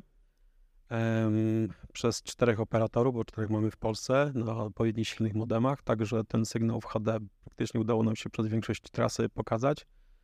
A, chociażby pomiar czasu miał problem z dostaniem wyników tak naprawdę z, z międzyczasu, więc, więc to, to też teren był taki troszeczkę nie, nie, e, niewygodny do tego. Chyba nawet tam Starlinka mieliście, coś tak, kojarzę. Oczywiście, zostawialiśmy oczywiście satelitę również. E, I tak, żeby można było tam przekazać. No to jest miejsce w górzyste po, e, przy granicy czeskiej, więc z, z bez, bez, bez jakichś tam dodatkowych anten BTS-ów i tak dalej, mm -hmm. co było dosyć ciężkie, ale udało się. No i to było to coś, co, co, co, co było jakby, jakby premierą w Polsce i cieszę się, że się udało takim zespołem Tutaj muszę podziękować również jeszcze Marcinowi Górskiemu, który pomógł no, w realizacji tego wydarzenia. No, Marcin Górski, taki też można być mecenas kolarstwa z Dolnego Śląska. Robert, tak od strony technicznej, e, powiedz, ile osób pracuje przy takiej realizacji e, transmisji i też powiedziałeś o tych e, rowerzystach, o tych kolarzach, którzy jadą z kamerą, wysyłają sygnał. Ile taki pakiet, ile taki zestaw waży? E, już. To mikrofon. Już, ci mówię, już ci mówię. Jest tak, zaczynaliśmy od ekipy e, trzyosobowej. Ja, Marcin, mój e, wspólnik i e, Antonina Kłódkiewicz, e, która trzymała mikrofon i biegała za zawodnikami i robiła wywiady z różnymi osobami. E, to mieliśmy kamery wtedy takie PTZ-owe, zdalnie sterowane z, zdalnie sterowane z wozu e, transmisyjnego i nasz zasięg wtedy tak naprawdę obejmował tylko początek startu i miasteczko. No ale było co pokazywać ze względu na to, że, że te wywiady, które Antonina prowadziła bez miar były, były ciekawe. No i sam start i meta można było pokazać. No, dlatego nam zależało na tym, żeby też wejść taką technologię, która pokaże, może pokazać piękno tego sportu od środka, od, od peletonu, od zawodników, którzy tam startują. W związku z czym też przygotowywaliśmy różne technologie, które, które, które to umożliwiają. No i w tej chwili akurat ten bonding, te plecaki, o których rozmawialiśmy, one ważą w naszym przypadku w setupie 2,5 kg więcej zawodnik ma na sobie niż, e, niż standardowo. Porównując do Seven Ballsów, tam gdzie to prawie 10 kg waży, to jest dosyć, dosyć spora różnica. z czego to wynika, ta, ta różnica w wadze? To są kwestie, nie wiem... E... Jakiejś baterii? Baterie, zasilanie, łączność... E... Znaczy, akurat to, co my, z czego my korzystamy, to są, to są rozwiązania autorskie, m, których, których tam część rzeczy wykorzystujemy projekty open source'owe, a część rzeczy piszemy e, sami. Mhm. E, Wykorzystujemy tam takie urządzenia są maksymalnie zmin- zminimalizowane, tak żeby, żeby one potrafiły wytrzymać te 10 godzin e, transmisji na tych bateriach, które są w tych plecakach. No i żeby wysyłały ten e, sygnał przez te cztery sieci e, w ten sposób, żeby te pakiety można było razem połączyć i pokazać obraz w HD. Więc e, to, co, z czego korzysta konkurencja niemiecka 7 Bars, no to jakby to są rozwiązania już bardziej produkcyjne i one wymagają więcej baterii do zasilenia i ale oni też tam troszeczkę inną technologię mają, dwie kamery naraz, a my pokazujemy tylko z jednej, to też to, to troszeczkę in, innych rzeczy wymaga tak naprawdę w środku. To też fajna, fajna przestrzeń, jakby te wszystkie e, te relacje, które robicie, szczególnie właśnie te Mistrzostwa Polskie w maratonie MTB, e, na zastosowanie e-bike'ów, nie? Czyli jakby to jest też coś, co dzięki czemu właśnie operator, e, no na szosie mamy motocyklistę i operatora, nie? Tutaj mamy jakby jedną osobę z reguły na rowerze, dzięki, dzięki e-bike, dzięki, dzięki wspomaganiu, dzięki temu, że jest e-bike, mogą utrzymać tempo czołówki, być z nią i, i, i relacjonować to. To jest myślę, że też bardzo fajna rzecz, która się Pokazanie pojawiła. tego, jak zawodnicy zmagają się na tych zawodach, jeżdżą po, tych, e, po, po tej trasie, to wydaje mi się dużo więcej ma e, sensu niż e, chociażby pokazywanie obrazu z, z, z, nie wiem, z helikoptera czy takiego. Aczkolwiek w tym roku też e, na e, Maja Właszczowska Race, tak w, w Jeleniej Górze, e, też zastosowaliśmy chyba też pierwsze Polsce, mi się wydaje, właśnie na zawodach kolackich e, drony Mhm. stronę FPV, gdzie, zawodni, gdzie, gdzie nasi koledzy, e, którzy się tym zajmują, je, gdzieś tam starali się po tych krzakach za zawodnikami e, podążać. Do- Sędziowie się zgodzili. Sędziowie się zgodzili. Oczywiście zostali poinstruowani też osoby, które są. Były też osoby, które, które asystowały e, takiemu pilotowi. No i także wydaje mi się, że to, to jest ta droga, którą można iść i, i, i dzięki temu jest to, te zawody zaczynają ciekawe. Wydaje mi się, że, że jakby w kwestii promocji to tutaj, gdyby się sędziowie nie zgodzili, no to mogliby działać na swoją niekorzyść. No tak, no ale no, podam, podam Ci kontrprzykład propos sędziów, którzy się nie zgodzili na Mistrzostwach Polski. E, już nie można było FPV-em latać, mimo tego, że nawet to nie był FPV, to był zwykły, zwykły dron e, od bardzo doświadczonego pilota. E, no ale z racji tego, że tam nie, nie wiem dokładnie jakie były przesłanki, że to było gdzieś tam w terenie leśnym i było ryzyko, że... Nie. Regulacje UCI e, zezwalają na tego rodzaju No to możemy akurat dziękować, akurat znam kulisy, możemy dziękować Red Bullowi, bo to Red Bull pierwszy wprowadził do Pucharze Świata i to oni bardzo mocno zabiegali o to, żeby właśnie można było włączyć kamery do, do transmisji. No teraz Red Bulla nie ma, Red Bull chwili transmituje Puchar Szwajcarii tak naprawdę e, i dalej pokazuje, że można to robić ciekawie technologicznie. A jest, Robert, jakiś kolejny stopień w tej, nazwijmy to, układance e, realizacji transmisji, który ci się marzy, który chciałbyś wprowadzić, który gdzieś już podpatrzyłeś? Co to jest? Wiesz, ja mam w domu dużo sprzętu. Jak sobie dzisiaj przeglądałem te wszystkie półki z tym sprzętem, który przyszedł właśnie głównie z Chin, to tam jest mnóstwo różnego rodzaju kamer, które, które takich kamer szpiegowskich, kamer, które potrafią na, na, dłuższy te, e, e, na dłuższe odległość wysyłać jakiś sygnał. Część była testowana, część nie do końca, część nie wyszła, część była zupełnie inaczej opisana niż to, co faktycznie było w rzeczywistości. Mamy też takie zestawy w tej chwili, mm, jakby ci to powiedzieć, takie mm, access pointy, którym jesteśmy w stanie połączyć bardzo długą, dużą powierzchnię, na przykład pełne zawody, pełne zawody XC, e, tak żeby można było z dowolnego miejsca ten e, obraz pokazać. Czyli jeżeli wszyscy zawodnicy mieliby powiedzmy kamerkę GoPro Mhm. skonfigurowaną odpowiednio, można by było sobie wybierać, z którego zawodnika chcesz widzieć obraz. I to można zrobić. Tak zwany multiview to się w ogóle nazywał. Mhm. Kiedyś, któryś Puchar Świata miał taką opcję, że można było sobie słuchać komentarza i było do wyboru chyba 4, 4.4 kamery właśnie przełączeń. W zasadzie, że jak masz e, relacje z zawodów, no to wiadomo, naturalnym jest, że operator pokazuje czołówkę, no bo na tym się skupiamy. Ale są osoby, które chcą zobaczyć, co się dzieje tam dalej, no to właśnie była opcja, żeby to, to multiview Często właśnie... realizatorzy, też czy komentatorzy nie, nie, nie narzekają, że nie widzą swoich zawodników, chociażby tak, więc, więc wtedy to, to mogłoby rozwiązać sprawę tak naprawdę. No, możliwości jest dużo, no technologia się rozwija, więc jakby, tylko że to, no, to trzeba zasobów, czasu. i No właśnie, tych kamer chociażby, prawda? kamer operatorów, to, to wszystko. Dzisiaj na przykład były te zawody w Mariborze, właśnie ten, ten, ten festiwal olimpijski. E, z Kamilem Dziedzicem akurat sobie tam e, e, wymienialiśmy się informacjami, oglądaliśmy tą relację. tam było multum kamer, naprawdę aż byliśmy zdziwieni, po prostu no, trasa była rozciągnięta i na każdy, ka, każdym kawałku trasy był, był operator i była transmisja, także to, co, to, co powiedziałeś, Robert, z tym podglądaniem każdego zawodnika, to mi się trochę skojarzyło z czymś takim, co było wprowadzone na Mistrzostwach Świata w piłce nożnej w Katarze. Tam będąc na stadionie, włączając jakąś tam aplikację FIFA, mogłeś e, podejrzeć każdego zawodnika i na przykład zobaczyć jego statystyki, Mhm.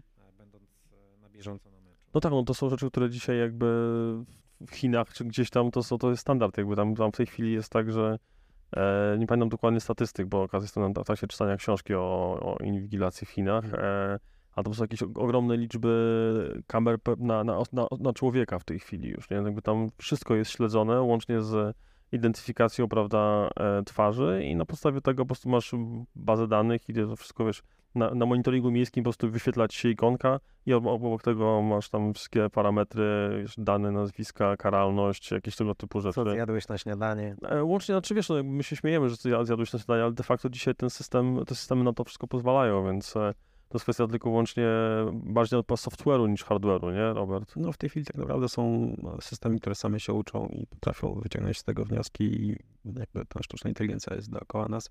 No ja na przykład e, rozmawiałem parę dni temu z e, Dawidem Markielem z, z Inpika. Oni oprócz pomiaru mocy właśnie mają systemy e, do zliczania właśnie ruchu rowerowego e, i opowiadał mi właśnie o, o jakiejś nowszej wersji, która jest zintegrowana już nie tylko czujnikiem ruchowym, ale z kamerą, e, gdzie zaznaczone są tam jakieś tam 3-4 ciągi komunikacyjne na jakimś skrzyżowaniu. Każdy ciąg jest zliczany osobno. Jest to algorytm też, nazwijmy to sztuczna inteligencja, ale algorytm bardziej samouczący e, który rozróżnia ci, czy to jest hulajnoga, czy to jest e, dostawca z kwadratowym plecakiem, czy tam sześciennym plecakiem, czy jest to po prostu rowerzysta, czy jest to cargo bike. E, e, obok jest przejście dla pieszych, więc też liczy pieszych. No, wszystkie rzeczy jakby na bieżąco, nie? Więc e, i się uczy oczywiście, nie? Więc, więc im więcej danych, tym, tym, lepsze, tym lepsze wyniki. Także e, my też taką technologię mamy, jak się okazuje. Ale, ale tę inwigilację to zostawmy Chińczykom. Nie wprowadzajmy jej tutaj. No, to już wszystko jest, bardzo jest. duże, każdy ma telefon komórkowy przy sobie, tych danych jest ogromna ilość. tak. Dokładnie, możemy zobaczyć po, dzisiaj, po tym nagraniu, możemy zobaczyć, jakie nam będą się reklamy wyświetlać w telefonach za chwilę. Kamer. Mhm. Robert, a powiedz mi, bo to jest też myślę, że ciekawa e, rzecz, jak, jak ty ewoluowałeś od e, jeżdżenia, e, startowania do jeżdżenia na rowerze? Jesteś jakby osobą, która startowała, a dzisiaj jeździsz, ale, ale do startów ci daleko. Pamiętam też nas, naszą rozmowę o tym, dlatego chciałem ten temat wywołać. Tak, to, to też jest jakby temat, który można trochę zahaczyć o moją pracę magisterską, którą broniłem miesiąc temu. Mm, jakby świadomość zagrożeń, ryzyk związanych z uprawianiem e, kolarstwa jest e, nikła w naszym kraju, jak wynika z moich badań. W związku z czym e, starałem się, staram się e, tak uprawiać ten sport, żeby, żeby te ryzyka jakby minimalizować. Uwielbiam jeździć na rowerze, kocham jeździć. Pozwolisz, że przywołam tytuł swojej pracy magisterskiej Świadomość skutków zdrowotnych związanych z amatorskim uprawianiem kolarstwa, czyli, czyli e, rekreacja jest zdrowa, sport nie do końca, upra- upraszczając bardzo. No, tak i nie. No to wszystko zależy od tego, czy, czy idziemy na skróty, czy też, yy, yy, czy też uprawiamy ten sport w sposób yy, świadomy. No bo jeżeli, jeżeli yy, amator, który oprócz tego, że jeździ na rowerze i stara się przygotować do najbliższe zawody, które ma e, zaplanowane i to ma jeszcze rodzinę, pracę, stres, e, niekoniecznie dobrą dietę, bądź też jakieś e, inne wady, których, zdrowotne, których nie zna, mm, bądź zna, a mimo wszystko uprawia, podejmuje to ryzyko, to wtedy, to wtedy no, jest to spore ryzyko tak naprawdę związane z uprawianiem tego sportu. No, w 2019 roku zmarł nasz zawodnik Ryszard Kasiński na zawodach właśnie nie poprzez to, że robił to, co kochał najbardziej, czyli ścigał się na zawodach, ale też nie do końca był świadomy, że jego serce tego może nie wytrzymać w tej temperaturze, której startował. No właśnie, bo to jest tak, że e, tak jak powiedziałeś, to trzeba być, być świadomym, czyli właśnie zadbać o nie tylko o to, żeby być wytrenowanym, ale przede wszystkim trzeba się przebadać, nie? Jakby Mhm. punktem wyjścia do uprawiania jakiegokolwiek sportu chyba jest, e, jest przebadanie No się. wiesz, jak wygląda kwestia treningów, bądź też przygotowywania się zawod, zawodników profesjonalnych. Czy macie, Robert, na przykład w drużynie obowiązek e, odbywania badań lekarskich? E, znaczy, staram się robić e, moim zawodnikom i co jakiś czas sukcesywnie e, jakieś szkolenie, e, którym informuję o tym, że dobrze by było to wykonywać, ale też to są osoby dorosłe, które amatorsko uprawiają ten sport i nikogo nie jestem w stanie do tego przymusić. Być może masz rację, że warto by zrobić gdzieś taki, taki punkt niepisanego regulaminu, w którym to dobrze było takie rzeczy zrobić, pełne, pełne badania, mm, które, które mogłyby wykluczyć tam jakieś rodzaju wady. A skoro jesteśmy przy tym temacie, skoro mówisz, że uświadamiasz e, zawodników, powiedzmy słuchaczom, jakich badań e, należa, jakie badania należałoby wykonać przed sezonem, w trakcie sezonu, żeby mieć e, pewność, że jesteśmy przygotowani i nadajemy się do uprawiania tej dyscypliny sportu. No wiesz, no my, my, tak naprawdę robimy dużo badań, tak naprawdę chociażby badanie fittingowe jest badaniem, tak, więc tych badań może być bardzo dużo, możesz sobie zrobić cały lipidogram, możesz sobie zrobić e, badania krwi, których e, też wiele rzeczy może wyjść i tak naprawdę łatwo stwierdzić przez te strzałeczki, które pokazują, czy jest czegoś za dużo, czy jest za mało. Jeżeli jest za dużo albo za mało, no to wtedy się interesujesz tym, idziesz do lekarza i ewentualnie jesteś w stanie wykluczyć bądź nie. Badań wysiłkowych EKG echo serca jakby też warto zrobić, bo też e, w naszym wieku już coraz bardziej e, jest to, jest to wskazane. E, no, to fajnie, że powiedziałeś w naszym wieku, bo wrzuciłeś górnika w naszą grupę wiekową. Dziękuję. No ale wydaje mi się, że górnik też jest w takim wieku, ktoś w, w, w, wieku ryzyka już tak naprawdę, bo osoby teraz coraz młodsze. Znaczy no to prawda oczywiście, że to jakby postępuje dzisiaj, że ten, ten, te choroby cywilizacyjne to padają coraz młodsze osoby. Marcin jest wyspartowaną osobą, na pewno widać, że nie, nie, nie ma specjalnie chorób, ale, ale to też my nie możemy tego jakby zdiagnozować tego, że patrząc na niego, jak on wygląda po prostu. To, to pełne badanie. Ładny chłopak. Można, można tylko wykonać przez badanie medyczne. I nawet mi te wczorajsze lody nie zaszkodziły. No. E, no tak, jakby ja ze swojej strony mogę powiedzieć na przykład, e, że ja po prostu teraz mm, chodzę raz na jakiś czas do lekarza rodzinnego i teraz na dwa lata przysługuje normalnie badanie, komplet badań, nie? Więc ja sobie taki komplet badań robię. Jestem od lat na działalności gospodarczej, więc nie mam badań pracowniczych wynikających z etatu czy z czegoś, więc e, i mam fajną lekarkę i rzeczywiście o co poproszę, to dostaję, więc pełna morfologia, EKG, echo, rentgen, prawda, płuc, tego typu rzeczy, więc e, e, i, i, mogę się pochwalić, że może kogoś zainspiruje albo zmotywuje. Miałem problemy z cholesterolem jeszcze dwa lata temu, a teraz nie mam, więc zmiana diety też pozwoli, pozwala zrobić ładny krok wstecz, jeśli chodzi o złe wyniki. Więc no, prawo tylko gratulować. My też, Paweł, możemy chyba powiedzieć, że jesteśmy też pod taką dość stałą kontrolą, no bo oddajemy krew, więc ta krew też jest analizowana i w razie czego też dostajesz informację, że, że coś jest nie tak. No, no tak, też tak, dane, tak, tak że możemy spokojnie sprawdzić na stronie 36 u mnie w, w, w, pracy. Można sprawdzić, że akurat osób, które, mm, e, które wykonują badania e, lekarskie e, ogólne jest 65% w Polsce.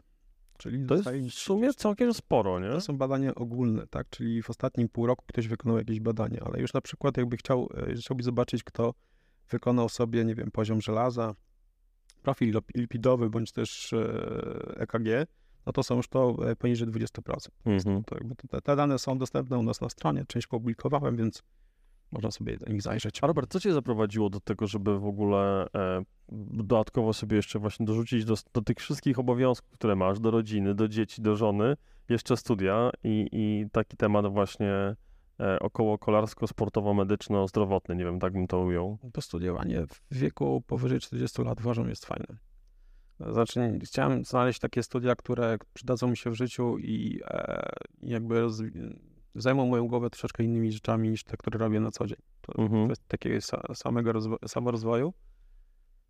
E, no i to też jest trochę powiązane z tym, że, e, że ten sport, tym sportem się zająłem, w związku z czym to też jest jakby taka dodatkowa korzyść. Teraz poprowadziłem trochę te, to, to, te studia i po ratowniku medycznym zrobiłem sobie też zdrowie publiczne, to, to są studia drugiego stopnia, e, związane właśnie z profilaktyką uprawiania sportu, w związku z czym ta praca tak wygląda, jak wygląda. E, I uważam, że e, uważam, że, że tego rodzaju właśnie badania jak moje, e, które, które wykonałem, w dosyć, które są dosyć świeże, no są ważne tak naprawdę. I, i, te, i te rzeczy, które są na końcu, czyli, czyli wnioski i podsumowanie dosyć istotnie można było sobie wziąć do serca i po, po, po, przeprowadzić jakiś program, który, który mógłby zwiększyć świadomość wśród zawodników tego, co może pójść tak, bądź nie. Czy swoją pracą można się gdzieś zapoznać w sieci? Czy ona gdzieś wisi?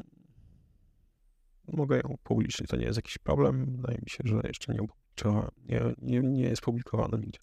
E, Myślę, że tak z punktu widzenia właśnie i naszych czytelników i, i powiedzmy takiej, nazwijmy to może górnolotnie misji, którą wszyscy tutaj jakby chcemy, chcemy realizować, e, byłoby fajnie, żeby to gdzieś się e, zawisło, bo tu naprawdę jest sporo nawet takich czasem elementarnych tematów, które widzimy jakby tutaj pod, pod tymi tematami, które są w tej chwili Znaczy, to też- wymienione w spisie treści. To Nie? musi Paweł wziąć świadomość taką, że, że mieć świadomość taką, że ja przygotowując się do, do wykonywania tej, tej pracy akurat na ten temat, em, to wyników e, w naszym kraju raczej miałem bardzo mało tak naprawdę, żeby na czymś się oprzeć, żeby można było z czymś podyskutować.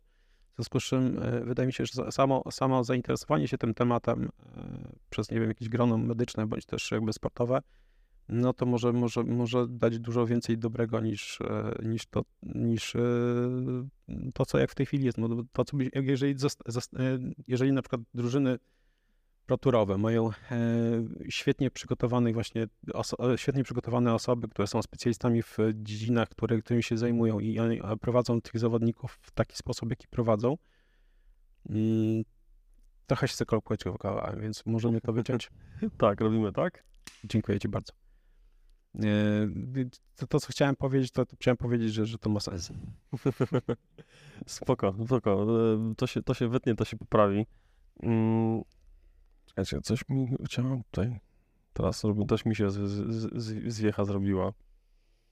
Właśnie, bo w ogóle uciekłeś do tego tematu pracy magisterskiej, e, Robert. Marcin znaczy Robert. Powiedziałem Marcin? Tak. O Jezu, dobra. Jeszcze raz. Robert, uciekłeś do tej e, pracy magisterskiej, do, do, od, uciekłeś od pytania, od odpowiedzi na pytanie, które zadałem. E, jakby, gdzie dzisiaj jest e, Robert na rowerze? No bo mówisz, że jeździsz 200 km do Walencji. Jak często jeździsz, jak często można spotkać się na rowerze, a jak często jesteś raczej opiekunem, e, partnerem, nie wiem, szefem ekipy? No to, że jestem w naszej drużynie, to tylko po znajomości, to fakt. Jeżdżę na tym rowerze wbrew pozorom, e, wbrew mojej posturze. Lubię jeździć ultra, e, lubię jeździć dla przyjemności, lubię jeździć w fajnym towarzystwie, lubię też jeździć sam. Lubię jeździć w takim miejscu, w którym się nie stresuję, że zaraz samochód mi zabije, więc wolę jeździć w Hiszpanii niż u nas, bądź też w lesie. Jeżeli jestem tutaj, no to staram się wybierać MTB. Jeżeli Właśnie tam, wracając do Polski, masz jeszcze frajdę z jazdy po okolicy? Nie wiem, do Campinosu pojedziesz? E, Tak, Campinos jest fajny. No, też nie mamy specjalnie dużego wyboru e, w tym miejscu, w którym mieszkamy. E, no, można pójść na VAT. Co jeszcze możemy pojechać na... No, Mazowiecki Park Krajobrazowy. Ale pamiętaj, że mówimy o perspektywie Ożarowa, a nie e, Powiśla. No, są pociągi. Tylko, że no teraz sporo piachu jest. No. Liczmy na to, że aktualne opady trochę to No, można też się zapakować do samochodu i pojechać w góry. Też to nie jest jakiś problem. Tak naprawdę są ścieżki już w tej chwili tak naprawdę i w, e, w Świętokrzyskim. A propos ścieżek, rozmawiałem właśnie z, teraz w, parę przed wyjazdem na, na urlop, akurat na wyjazd, na wakacje e, z człowiekiem z Bielska Białej. Właśnie mówi, że troszkę ścieżki pustoszeją, że jakby jest jakieś takie już no, znużenie, e, jeśli chodzi o ścieżki. Ludzie zaczynają wracać na, na dzikie, naturalne ścież, e, szlaki po prostu górskie. No bo ileż można jakby robić, nie wiem, rock'n'rolla e, czy twistera na przykład e, na enduro trailsach. Robert powiedział o ścieżkach, a mi się wydaje, Paweł, że będziemy się w najbliższej samotnej ucieczce znowu tłumaczyć, że dlaczego nie dojechaliśmy do Żuńśnika. Cóż, no, no nie dojechaliśmy, no. Ale dojedziemy. Kiedyś. No to jest taki fajny też sposób na, na, na spędzenie czasu. Bierzesz rodzinę, pakujesz się do samochodu i jedziesz na rower gdzieś w górę. Tak A jak, jak Robert, y, ugasiłeś e, jakiś głód rywalizacji? Czy, czy przeminął ci po prostu? Nie wiem, być może to jest kwestia wieku i mniejszej ilości testosteronu, które naturalnie gdzieś ubywa z, z, z każdym rokiem. Być może to jest kwestia tej świadomości, o której wspominałem. Być może jest to tej odpowiedzialności za rodzinę, za dzieciaki. Być może to też jest kwestia taka, że bardziej mi kręcą kwestie związane z podejściem do kolarstwa holistycznie niż tylko i wyłącznie na samym ściganiu. Bo wiem, że jeżeli bym się skupił na, na ściganiu, no to robiłbym tylko to i starałbym się robić tak najlepiej. Mo- Trafię tak, a tak to dzięki temu mogę też troszeczkę posłużyć moim zawodnikom, e, troszeczkę mm, też jakby temu społeczności MTB przez te nasze relacje i te inne rzeczy. W związku z czym, no to mi po prostu sprawia frajdę. Tak, to jest, i to jest jakby to też troszeczkę takie wyrzeczenie. Nie, nie, nie, nie, nie będę się ścigał, ale będę robił rzeczy, które są dookoła tego. Ale to już tak jest, powiedzmy, definitywnie nie będę się ścigał, czy, czy są momenty, Nie, kiedy chwilę, że a, zapnę numer do kierownicy jeszcze. W tym roku miałeś numer na kierownicy? W tym roku miałem mieć numer na kierownicę, ale skończyłem kostkę. Miałem przejechać sobie ultra wyścig 1700 km. Co to za ultra? Powiedz. To jest ultra w, w krajach e, bałtyckich, czyli Hydra? w Estonia, Hydra Epic. Hydra Epic, okej. Tak, Mhm. i organizator zgodził się na to, żeby przełożyć ten start na przyszły rok, także mam jeszcze trochę czasu na przygotowanie. To jest połowy maja jakoś chyba Hydra. początek stycznia, e, początek czerwca. A no właśnie, no to jakoś tak pamiętam, że to gdzieś tam końcówka maja. To akurat e, e, kojarzę, ponieważ e, no, jako organizator też w tych butach jestem, robimy Sudowie, gravel na Suwalszczyźnie i właśnie wiem, że to jakoś tam bardzo blisko siebie się odbywa ta, ta hydra właśnie.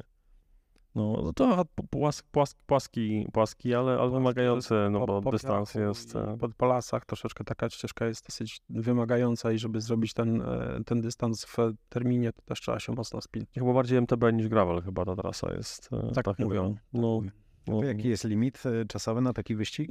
No, 10 dni masz na przejechanie. To jest to zawody ultra bez supportu. to jest 170 dziennie, nie? To jest, to jest sporo. Paweł do tylu policzyć.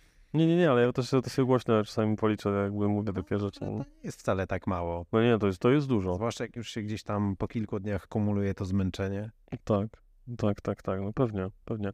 Właśnie propos e, rower górski gravel, e, co jest w twojej stajni, w twoim garażu, jeśli chodzi o twoje rowery?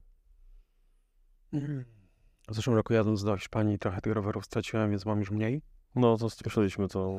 Bo możesz powiedzieć tej historii, bo to dobrze, to był też lekcja dla innych, nie? Jako przestrogę. Jako przestrogę. No to jadąc, e, zapakując sobie rowery zarówno do busa, jak i do przyczepki, poszliśmy spać w okolicach Lyonu do hotelu na 3-4 godziny, tak żeby tylko przymknąć oko. Zaparkowaliśmy na parkingu hotelowym pod latarnią. Nie można było wjechać do garażu e, dolnego. Mieliśmy dos- dosyć duży, wysoki bus, no i okazało się, że ten czas wystarczy na to, żeby podjechała ekipa samochodem z innym hakiem, przepiłować e, zabezpieczenie i zmienić przy, przyczepkę e, na inny samochód. No i wszystko to, co było na tej przyczepce odjechało. Mm, No i jakby tutaj kwestia jest też taka, że byłem przekonany, że jest ubezpieczenie. Mm, Obejmuje właśnie ten wyjazd, bo jakby to ubezpieczenie sobie kupiłem, ale niestety małym dróżkiem gdzieś tam w tych OWU są informacje na temat, że to oczywiście obejmuje w transport, ale tylko to, co jest w samochodzie, wszystkie rzeczy, które są e, doczepione jako akcesoria, to już nie są e, uznawane przez ubezpieczyciela, także to też trzeba jako przestroga sobie uwzględnić przy wyjazdach. No, propos ubezpieczeń, to ja mogę tylko na świeżo powiedzieć, że e, większość asystantów za granicą działa tylko na 400 km do Polski, więc warto sobie, bo okazuje się, że da się, da się, można sobie teraz krótkoterminowy asystent wykupić na trz- 16 albo 30 dni. E, to kosztuje małe kilkaset złotych e, i wtedy ma się nawet asystans do 1,5 tysiąca kilometrów. Ale nie obejmuje wszystkich samochodów też, więc e, są wyłączenia. Ale są takie opcje i warto, warto rozważyć, jak ktoś się No, też można dodatkowo się zabezpieczyć przez jakiegoś AirTaga, czy coś takiego, coś tutaj jest za, zamontowane i wysyła informacje do... No też, też, też, oczywiście, ale też niesamowite, że powiedziałeś, że to było po zeszłym roku. Ja byłem przekonany, że to było raptem tej zimy. No to było, jak wjechaliśmy właśnie na po, początku grudnia. A to mieliście, Robert, jakoś oznaczone te samochody? Czy ktoś was obserwował? Może Wiesz co, być może dlatego, że samochód jest y, oklejony, że to jest jakby taki związany z właśnie... z Teamowe, tak, nie? Mhm. To, to być może ktoś się zainteresował przy tą, tą, tą przyczepką. No ale no akurat okazało się, że tego dnia kamera nie działała. Przypadkowo. Przypadkowo w tym miejscu. Nie, nie, nieistotne, nie, już nie chcę do tego Mhm, wracać. tak, tak, tak, Mogę, może. to, te, te rowery pytasz się, no to tak, no mam takiego hardtaila z sztywnym widelcem, który udaje mi e, gravela, ale przez to też mogę sobie wjechać w dowolne miejsce i się... Udaje gravela, było założyć wąskie opony, czy... Są opony takie pomiędzy właśnie jakby szosą a MTB. Troszeczkę grubsze niż na narodowym też gravelu. Ale jesteś fanem prostej kierownicy w takim razie. lubię sobie technicznie tak pojeździć e, po, po różnych wzniesieniach. Dodatkowo, no oczywiście szosę, szosę, dwie szosy mam też w Hiszpanii. No i teraz chciałbym sobie jakiegoś elektryka kupić, takiego, którym go sobie eksplorować te trasy, które są nieznane w, tej, w tym, e, tym terenie Costa Blanca. Jak masz na oku? E, To, co mam na oku, to jest, e, rozmawiam ze Scottem i RBA, więc także to między jednym a drugim. Aktualnie na, na testach, e, można powiedzieć, redakcyjnych jest e, Scott, jak się nazywa elektryczny Scott? E, full? Mm, Zajmij mnie w tej chwili. pa, passa? Pa, to wyleciało mi z głowy. W elektrycznego Scotta w tej chwili właśnie e, mamy e, tam w zaprzyjaźnionym ekipie, jeśli chodzi o redakcję i będziemy, będziemy pisali re, będą jakieś tam recenzje na, na silniku Boscha, no ale generalnie te silniki teraz coraz mniejsze są, coraz mocniejsze. E, teraz e, Trek też tam chyba tego TX-a wkłada no, nowego, więc e, Spec też tam podkręca moc. E, Porsche kupiło fazułę, więc tutaj się bardzo dużo dzieje, nie? A fan jest dosyć duży, tak naprawdę zjeździe, zmęczyć się tak samo można i tylko... Oj, na pewno się można zmęczyć. Ja trochę jeździłem na elektrykach i to jest taka, taka totalna internetowa bzdura, że na elektryku to się nikt nie męczy, nie? Zwłaszcza jak jedziesz na rowerze górskim w terenie, nie? To już w ogóle. Co tam jeszcze? Pytać się o sprzęt, no to, mm, to tak naprawdę kilka rowerów w Hiszpanii, które są na miejscu, jak przyjeżdżam po prostu z plecaczkiem, z podręcznym bagażem i dzięki temu mogę sobie z kimś tam pojeździć na miejscu. Masz swoją ulubioną pętlę w, gdzieś Tak. tam? Czy, e, właśnie, ulubiona to jest ta, ta dwusetka do Walencji, czy, czy są To inne? jest coś, co, co lubię sobie zrobić przynajmniej raz czy dwa razy w miesiącu. E, To, co e, jeżdżę, to mam zaraz pod nosem tak naprawdę wyjeżdżając z miasta. Mam fajną e, trasę do góry, która mi zajmuje, to 500 metrów zniesienia e, i ona mi zajmuje wjazd i, po, i zjazd z powrotem około 50 minut, e, więc e, no to jest taki sam, sam raz trening po tym, jak po pracy po 16 sobie ubiorę się, e, Przywietrzyć głowę, nie? Przywietrzę głowę, przy, zmęczę się chwileczkę, zjadę sobie i zrobię co na tych zjazdach, po prostu mam banana, już wracam do domu cały chany, nie, prysznic i mogę się zająć resztą tak naprawdę rodziną i nikt mnie nie stresuje. No właśnie, ten sport jest potrzebny też dlatego, żeby trochę te emocje e, uwolnić. Robert, trochę odeszliśmy od tematu twojej pracy magisterskiej, ale cały czas otwarta leży przed kuflem. Ja sobie już zrobiłem screena e, przed naszą rozmową, strona 43. E, To właśnie tak wiedziałem, że wywołasz ten temat. tak. Czy zawsze w kasku i jakie są e, z twojej pracy magisterskiej wnioski? Jakie są wnioski z badań, które przeprowadziłeś? Więc powiedz mi, e, Marcin, czy ty uważasz, że kask powinien być obowiązkowy, czy też nie? Ja jestem w grupie, mam nadzieję, że licznej, która uważa, że powinien być obowiązkowy i nie tylko dla e, młodzieży, patrząc analogicznie na narciarstwo zjazdowe. Zamów, na ciasty mamy do 16 roku życia, mamy obowiązkowy kask, tak. Mhm. No tak, tak samo mniej więcej 80% kobiet i 72% mężczyzn uważa, że powinien być obowiązkowy.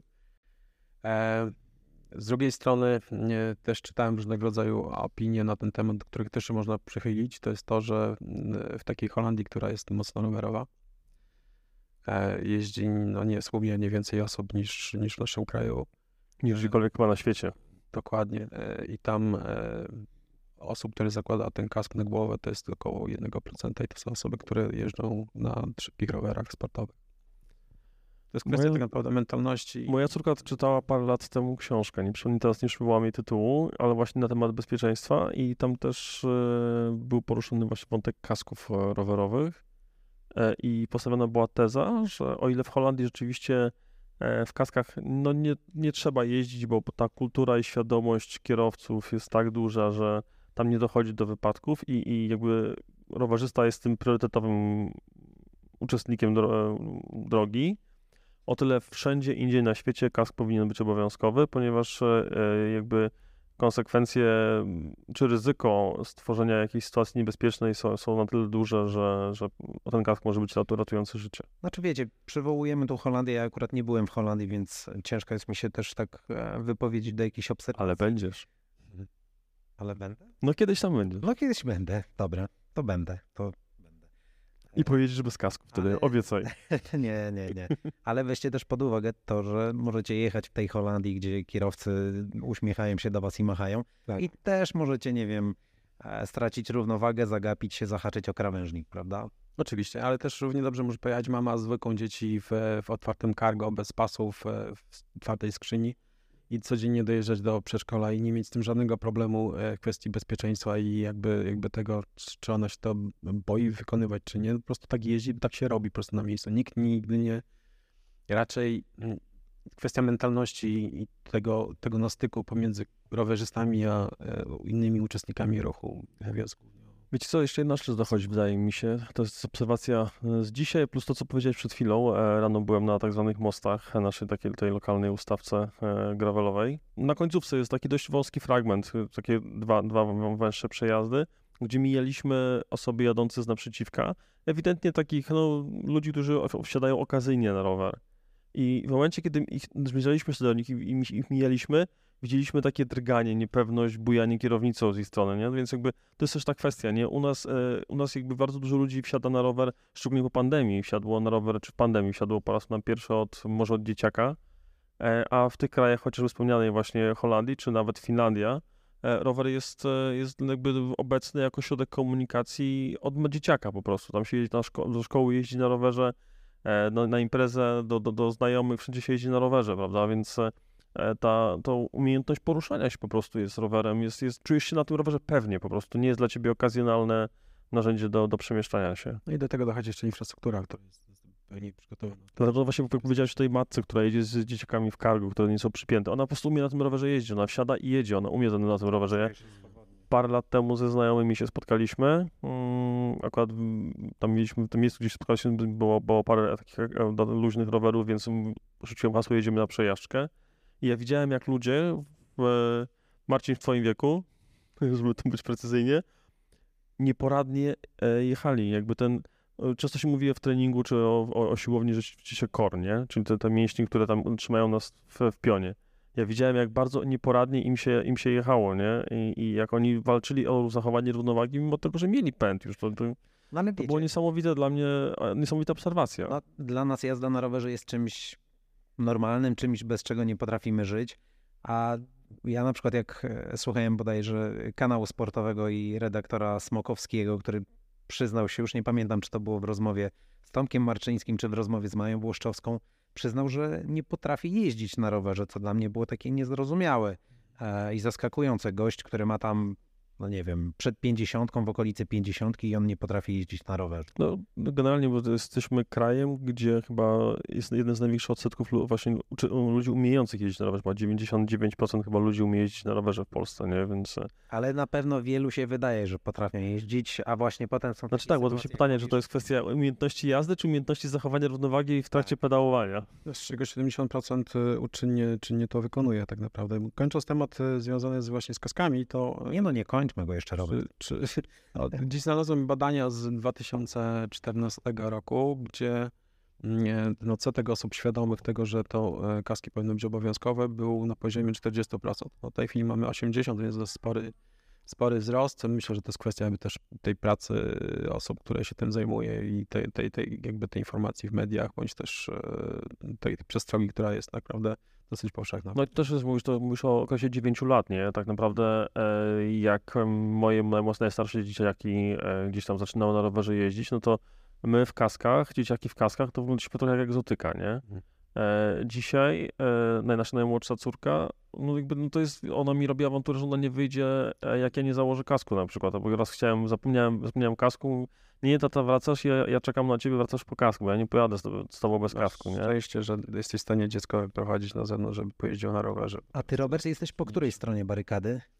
Ja uważam, że w Polsce powinny być kaski obowiązkowe, tak, ale nie koniecznie w Holandii. Nie wiem, pewnie kojarzycie taki profil na Facebooku Miejski Reporter, który informuje o, o różnych wypadkach e, i takich dziwnych zdarzeniach. Mam wrażenie, że wpadłem w sieć jakiegoś algorytmu i teraz codziennie dostaję niestety informacje o jakimś śmiertelnym wypadku z udziałem rowerzysty. To znaczy, jeżeli pytasz się o statystyki na sorze, to tego jest więcej niż nam się wydaje. Te, te rzeczy, które trafiają do, e, do tego mainstreamu e, medialnego, to jest, to jest e, mały odsetek tak naprawdę, bo jak rozmawiam z kolegami ratownikami na co dzień, e, to okazuje się, że też przygotowując się do tej pracy, e, na jednym sorze bywa tak, że jednego dnia dwie osoby przyjeżdżają po prostu z, z, jakby z urazami głowy, tak, no, związanych z tym, że właśnie zarówno na rowerze, jak i na hulajnogach, które są też mniej bezpieczne, tak, więc to, to jest dosyć powszechny problem w naszym kraju, no i to jest często właśnie też na, na tym styku. Nie chciałbym wywołać świętej wojny, ale to y, jakby kwestia uszanowania siebie, że wszyscy jesteśmy na tej drodze jakby równoprawnymi uczestnikami, tak. Wspomniałeś o, o hulajnogach, właśnie jeszcze chciałem właśnie w kontekście kasków przywołać temat, e, bo też o tym e, jest dyskusja, czy osoby używające hulajnóg elektrycznych zwłaszcza powinny jeździć w kaskach, no to w, Pol w Polsce jest dyskutowane. Znajomy teraz był w, e, na wakacjach właśnie w Australii i wrzucił zdjęcie, e, to sama firma Lime, nie, która obsługuje Mhm. hulajnogi również u nas i do każdej przypięty kask, bo tam akurat już ten, ten kask jest obowiązkowo, nie, więc jakby e, anegdotyczna historia znajomego koleżanka jest e, chirurgiem twarzowym, tak się nazywa, chirurg twarzowy, czy Szczękowy? nie, nie, twoja nie. Nie, właśnie mówi, że wystarczy, że ma dwa zlecenia w miesiącu na rekonstrukcję twarzy po hulajnodze i już nie musi więcej pracować w miesiącu, nie? Bo, bo konsekwencje upadku na hulajnodze przy dużej prędkości są takie, że po prostu trzeba składać to jak puzzle tysiąc elementów, nie? Dobra, to trochę, trochę się zrobiło fetystycznie. Coś pozytywnego e, z, z twojej pracy, co bije. Robert, e, trzeba jeździć na rowerze, nie? Trzeba być aktywnym mimo wszystko, Tak, tak, regularnie. tak. Większość badań faktycznie okazuje, że nie, skutki zdrowotne pozytywne są zdecydowanie większe i przewyższają te negatywne. Ja tylko po prostu ze względu na to, że, że, że praca miała być ciekawa, dlatego też starałem się znaleźć te, które są mniej e, pozytywne dla zdrowia. A bo- wspomniałeś jeszcze przed nagraniem, że przy okazji tej pracy em, robiłeś ankietę anonimową w internecie, gdzie zebrałeś tam kilkaset e, wypowiedzi, e, odpowiedzi. Pamiętasz jakieś e, ciekawe rzeczy, które ludzie gdzieś tam pisali w tej ankiecie? Coś, co... Starałem się mieć e, to te pytania zamknięte niż A, okej. prawda? aczkolwiek też jakby przy publikacji e, wyników u nas na, na, na stronie na kolarzowej, kolarz klubowej, e, to e, dyskusja często była dosyć zago- zagorzała, przy, szczególnie przy tych właśnie tematach związanych z kaskami, czy też stosowaniem dopingu w tym sporcie tak naprawdę. W związku z czym też jakby mm, dzięki temu no, te osoby mogły się wypowiedzieć w jakiś tam sposób e, bardziej otwarty i te, te wszystkie komentarze były przeze mnie przestudiowane w zakresie takim no, mojego zaciekawienia, tak naprawdę mojego, mojej, mojego zainteresowania. No i jakby wiem, że można było dalej pociągnąć tę pra- tą pracę. E, Do tego też się troszeczkę e, zabiera. Robert, przepraszam, że No. przerwę, najpierw jest praca magisterska, A potem, a potem, więc jest szansa Jest. na dogrywkę. no tak, no to wiem, że teraz zrobił troszeczkę inaczej, ale aczkolwiek no, no wiadomo, każdą pracę pisze się tylko raz. Powiedziałeś o dopingu. Jakieś wnioski z e, odpowiedzi to jest bardzo ciekawy temat. E, Mamy przecież udokumentowane em, przypadki dopingu w tej chwili w e, nie tak mm, stare już w, w, w peletonie amatorskim.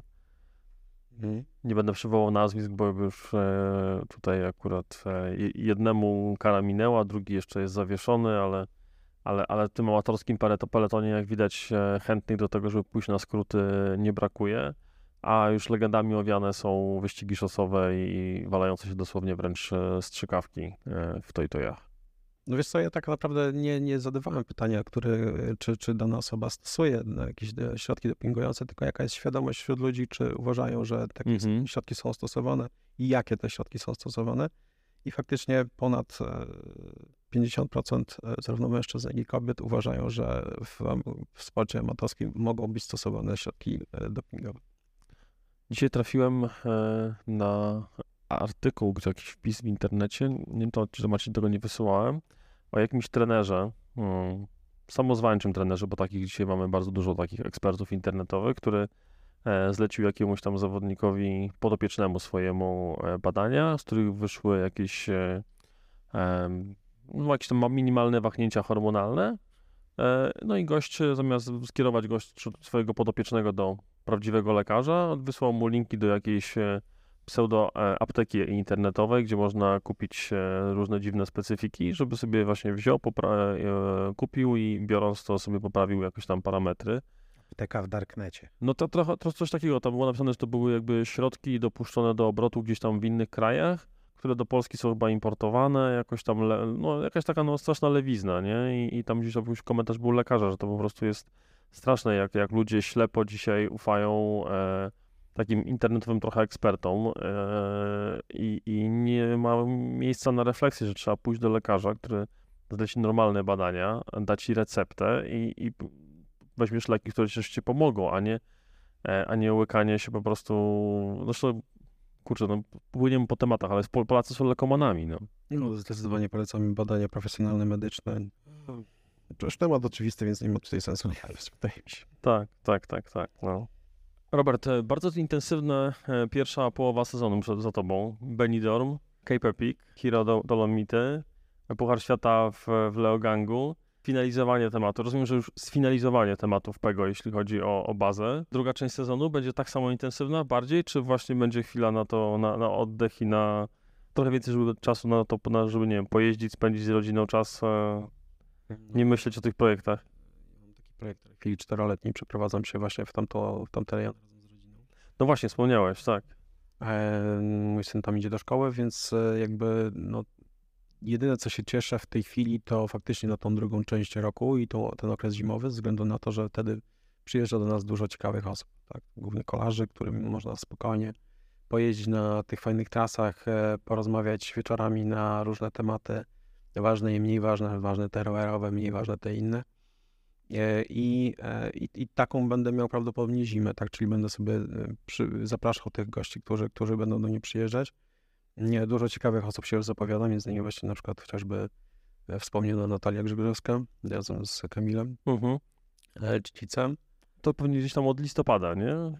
To ten sezon przygotowawczy do, do, do Do kolejnego sezonu, tym bardziej, że to będzie ważny sezon, bo to będzie sezon olimpijski. co roku y, goście przyjeżdżają podobni, czy, czy co roku mamy nowych gości, którzy też się okazują bardzo ciekawymi osobami, dzięki temu jakie te znajomości się zawierają. Uważam, że mm, warto po prostu tylko przyjechać po to, żeby, żeby, żeby spędzić czas i pogadać. No, to bardziej w dzisiejszych czasach, które tak bardzo nas e, wklejają w, w ekrany, e, więc e, ta możliwość e, wyjścia na rower wspólnie z kimś, e, pogadania, spędzenia wieczoru razem, to jest coś... Też e, Chodzi też o te okoliczności przyrody dookoła, czyli ten Tak. klimat, o to, że mamy słońca więcej, mamy dwie godziny więcej dnia.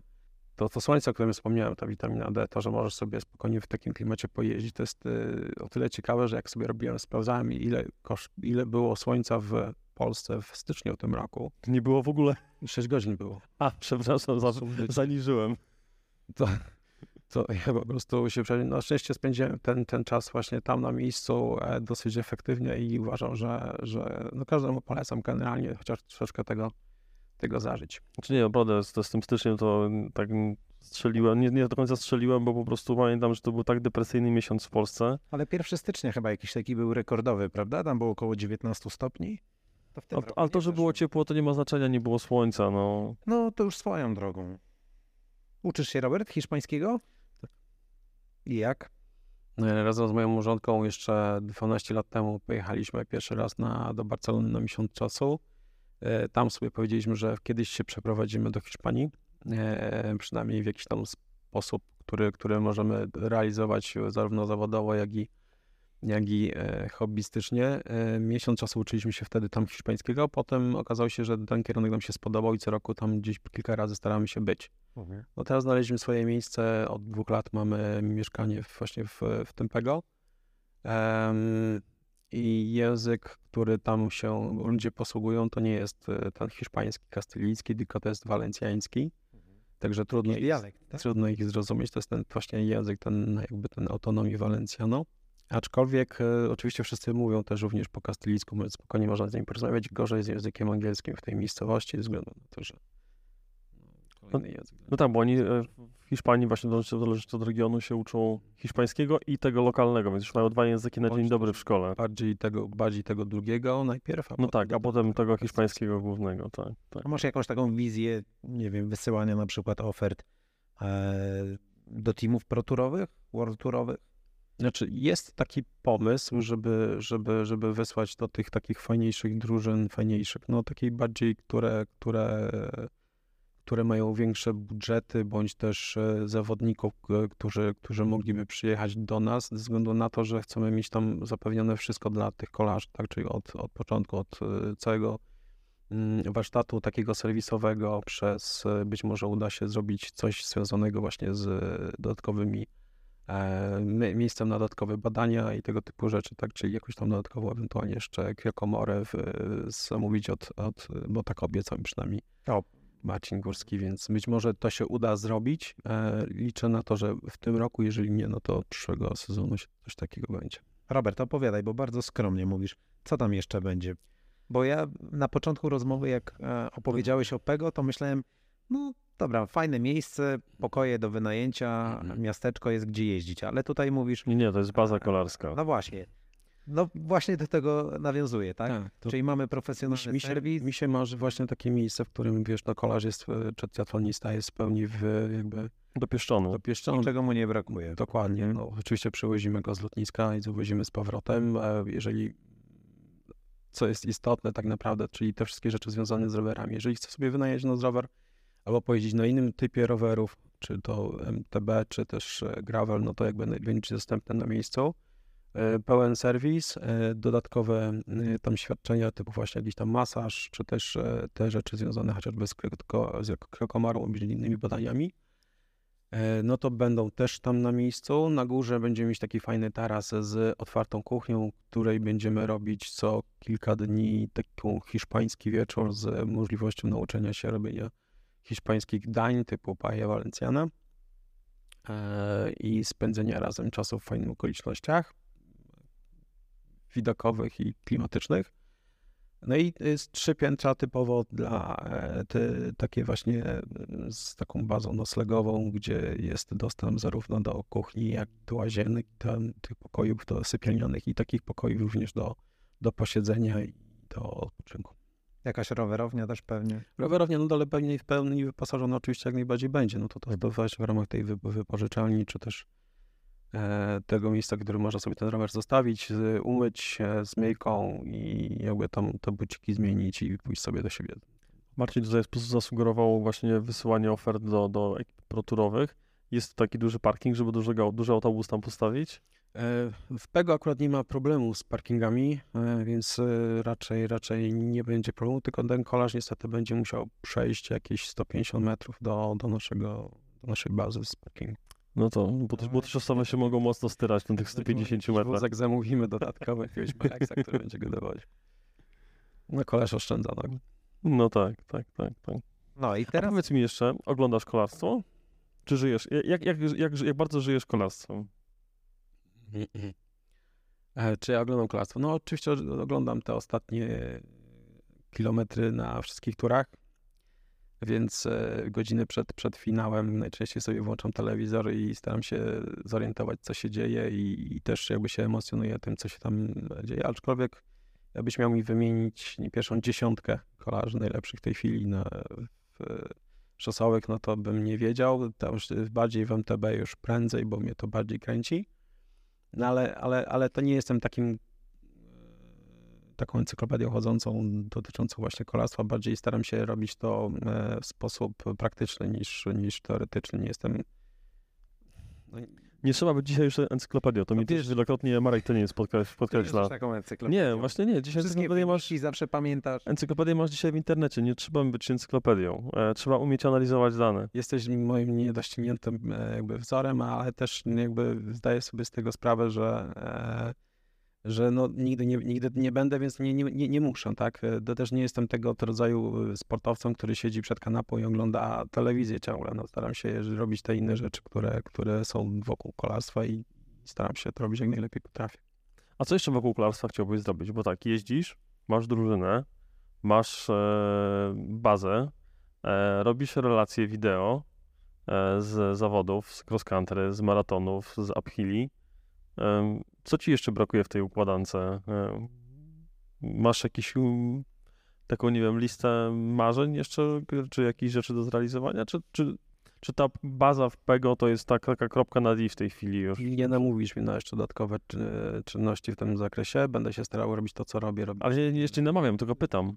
Więc e, nie, nie, rozszerzać raczej nie chciał już bym. Bardziej profesjonalizować to, co jest za każdym razem. Staram się robić to lepiej, więc Mhm. każdego roku jest coraz Kiedy kolejna transmisja iPhone'a z e, zawodów? Uphill, uphill na Śnieżka. Czy 15 sierpnia chyba, tak? 20. Czy 20? Mhm. I to jest też takie moje też e, niespełnione działanie. To właśnie związane z transmisją w zeszłym roku. Pogoda nam strasznie z, e, No, pamiętam, że tam była straszna mgła chyba była, czy i padało Tak, chyba. Ten wiatr ogromny, to jest, to, to jest coś, co na przykład nie dałoby się, nie dało się kamerzysta postawić na samej górze ze względu na to, że nie utrzymałby tam kamery przez 10 minut. Zresztą próbował, ale Mhm. musiał, musiał to- zejść ze względu na Drona też to eliminuje. No nie w ogóle nie można puścić, to jest park narodowy, A, nie, nie jesteś w stanie tam chyba tego jakieś- zrobić. Okej. I więc u nas było tak, że mieliśmy oczywiście kolarza na, e, z kamerą na głowie e, MTB, EMTB. E, Mieliśmy również e, kamerzystę na pick-upie, który też e, jakby ściągnął ten obraz. Mieliśmy też jakby kilka kamer po drodze i jakby możliwość w domu śląskiego w tamtym miejscu do pokazania, którzy kolarze, kolarze, jechali. I tyle tak naprawdę, co mogliśmy zrobić. Wóz mieliśmy na, na dole i tam też jakby Oskar z Bike Maratonu komentował te zawody. W tym roku mam nadzieję, że pogoda pozwoli nam za pokazanie tego to, to, to lepiej. No wiem, że, że, że, organizat- e, że, że sponsor główny zależy mu na tym, żeby to, żeby to było w transmisji i w związku z czym nie? tak będziemy robić. No tak, no, trzymamy kciuki za pogodę, no bo to jest jakby fundament. Jakieś nowości względem zeszłego roku? Technologiczne? No na pewno y, więcej, kola, więcej kolarzy na, na rowerach i tym razem mam nadzieję, że Tomkowi nie y, braknie baterii na podjeździe na samą górę.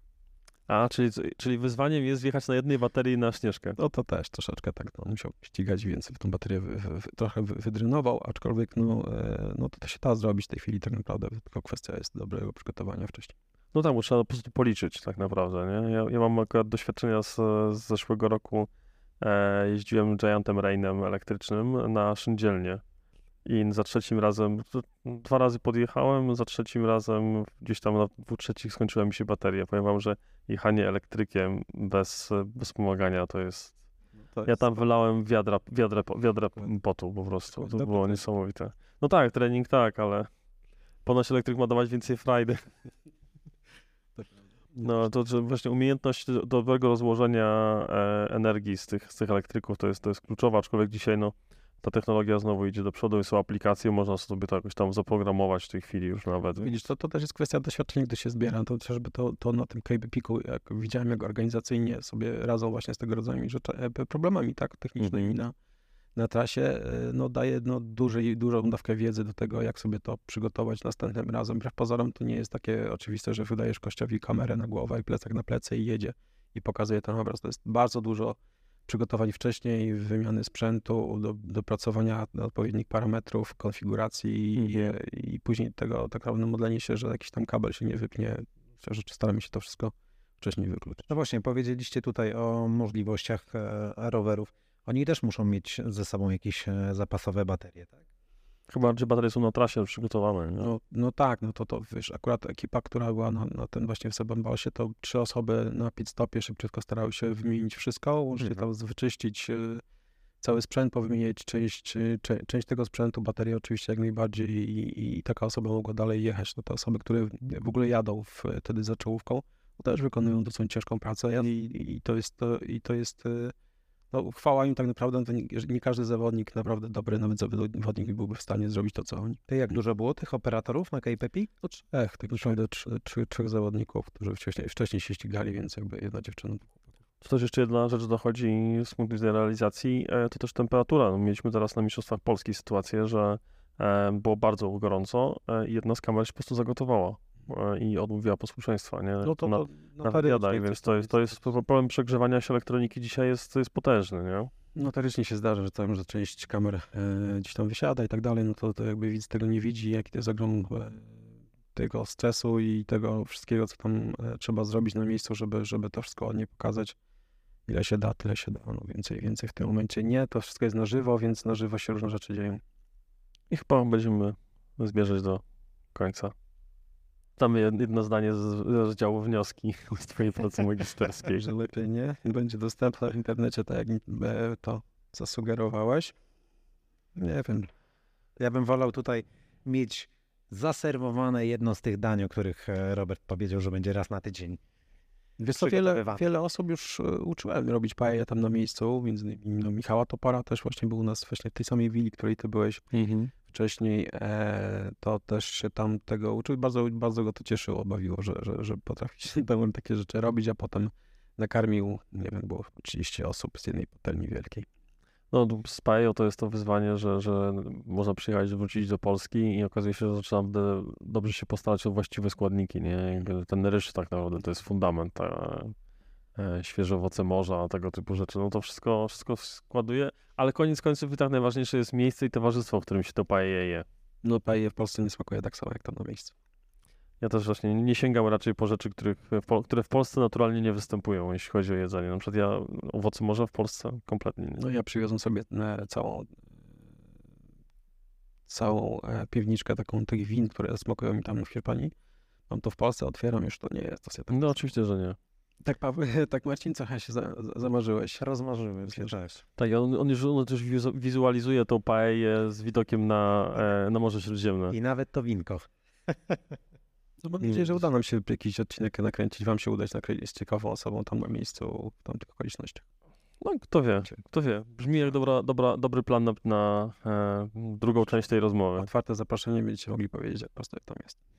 Robert, bardzo dziękujemy Ci za to, że znalazłeś czas, e, że opowiedziałeś swoją e, historię. Mamy nadzieję, że zainspiruje to też, e, może zabrzmi to bardzo górnolotniej, ale innych przedsiębiorców do tego, żeby angażować się mocniej w kolarstwo, bo chyba możesz powiedzieć otwarcie, że to się opłaca.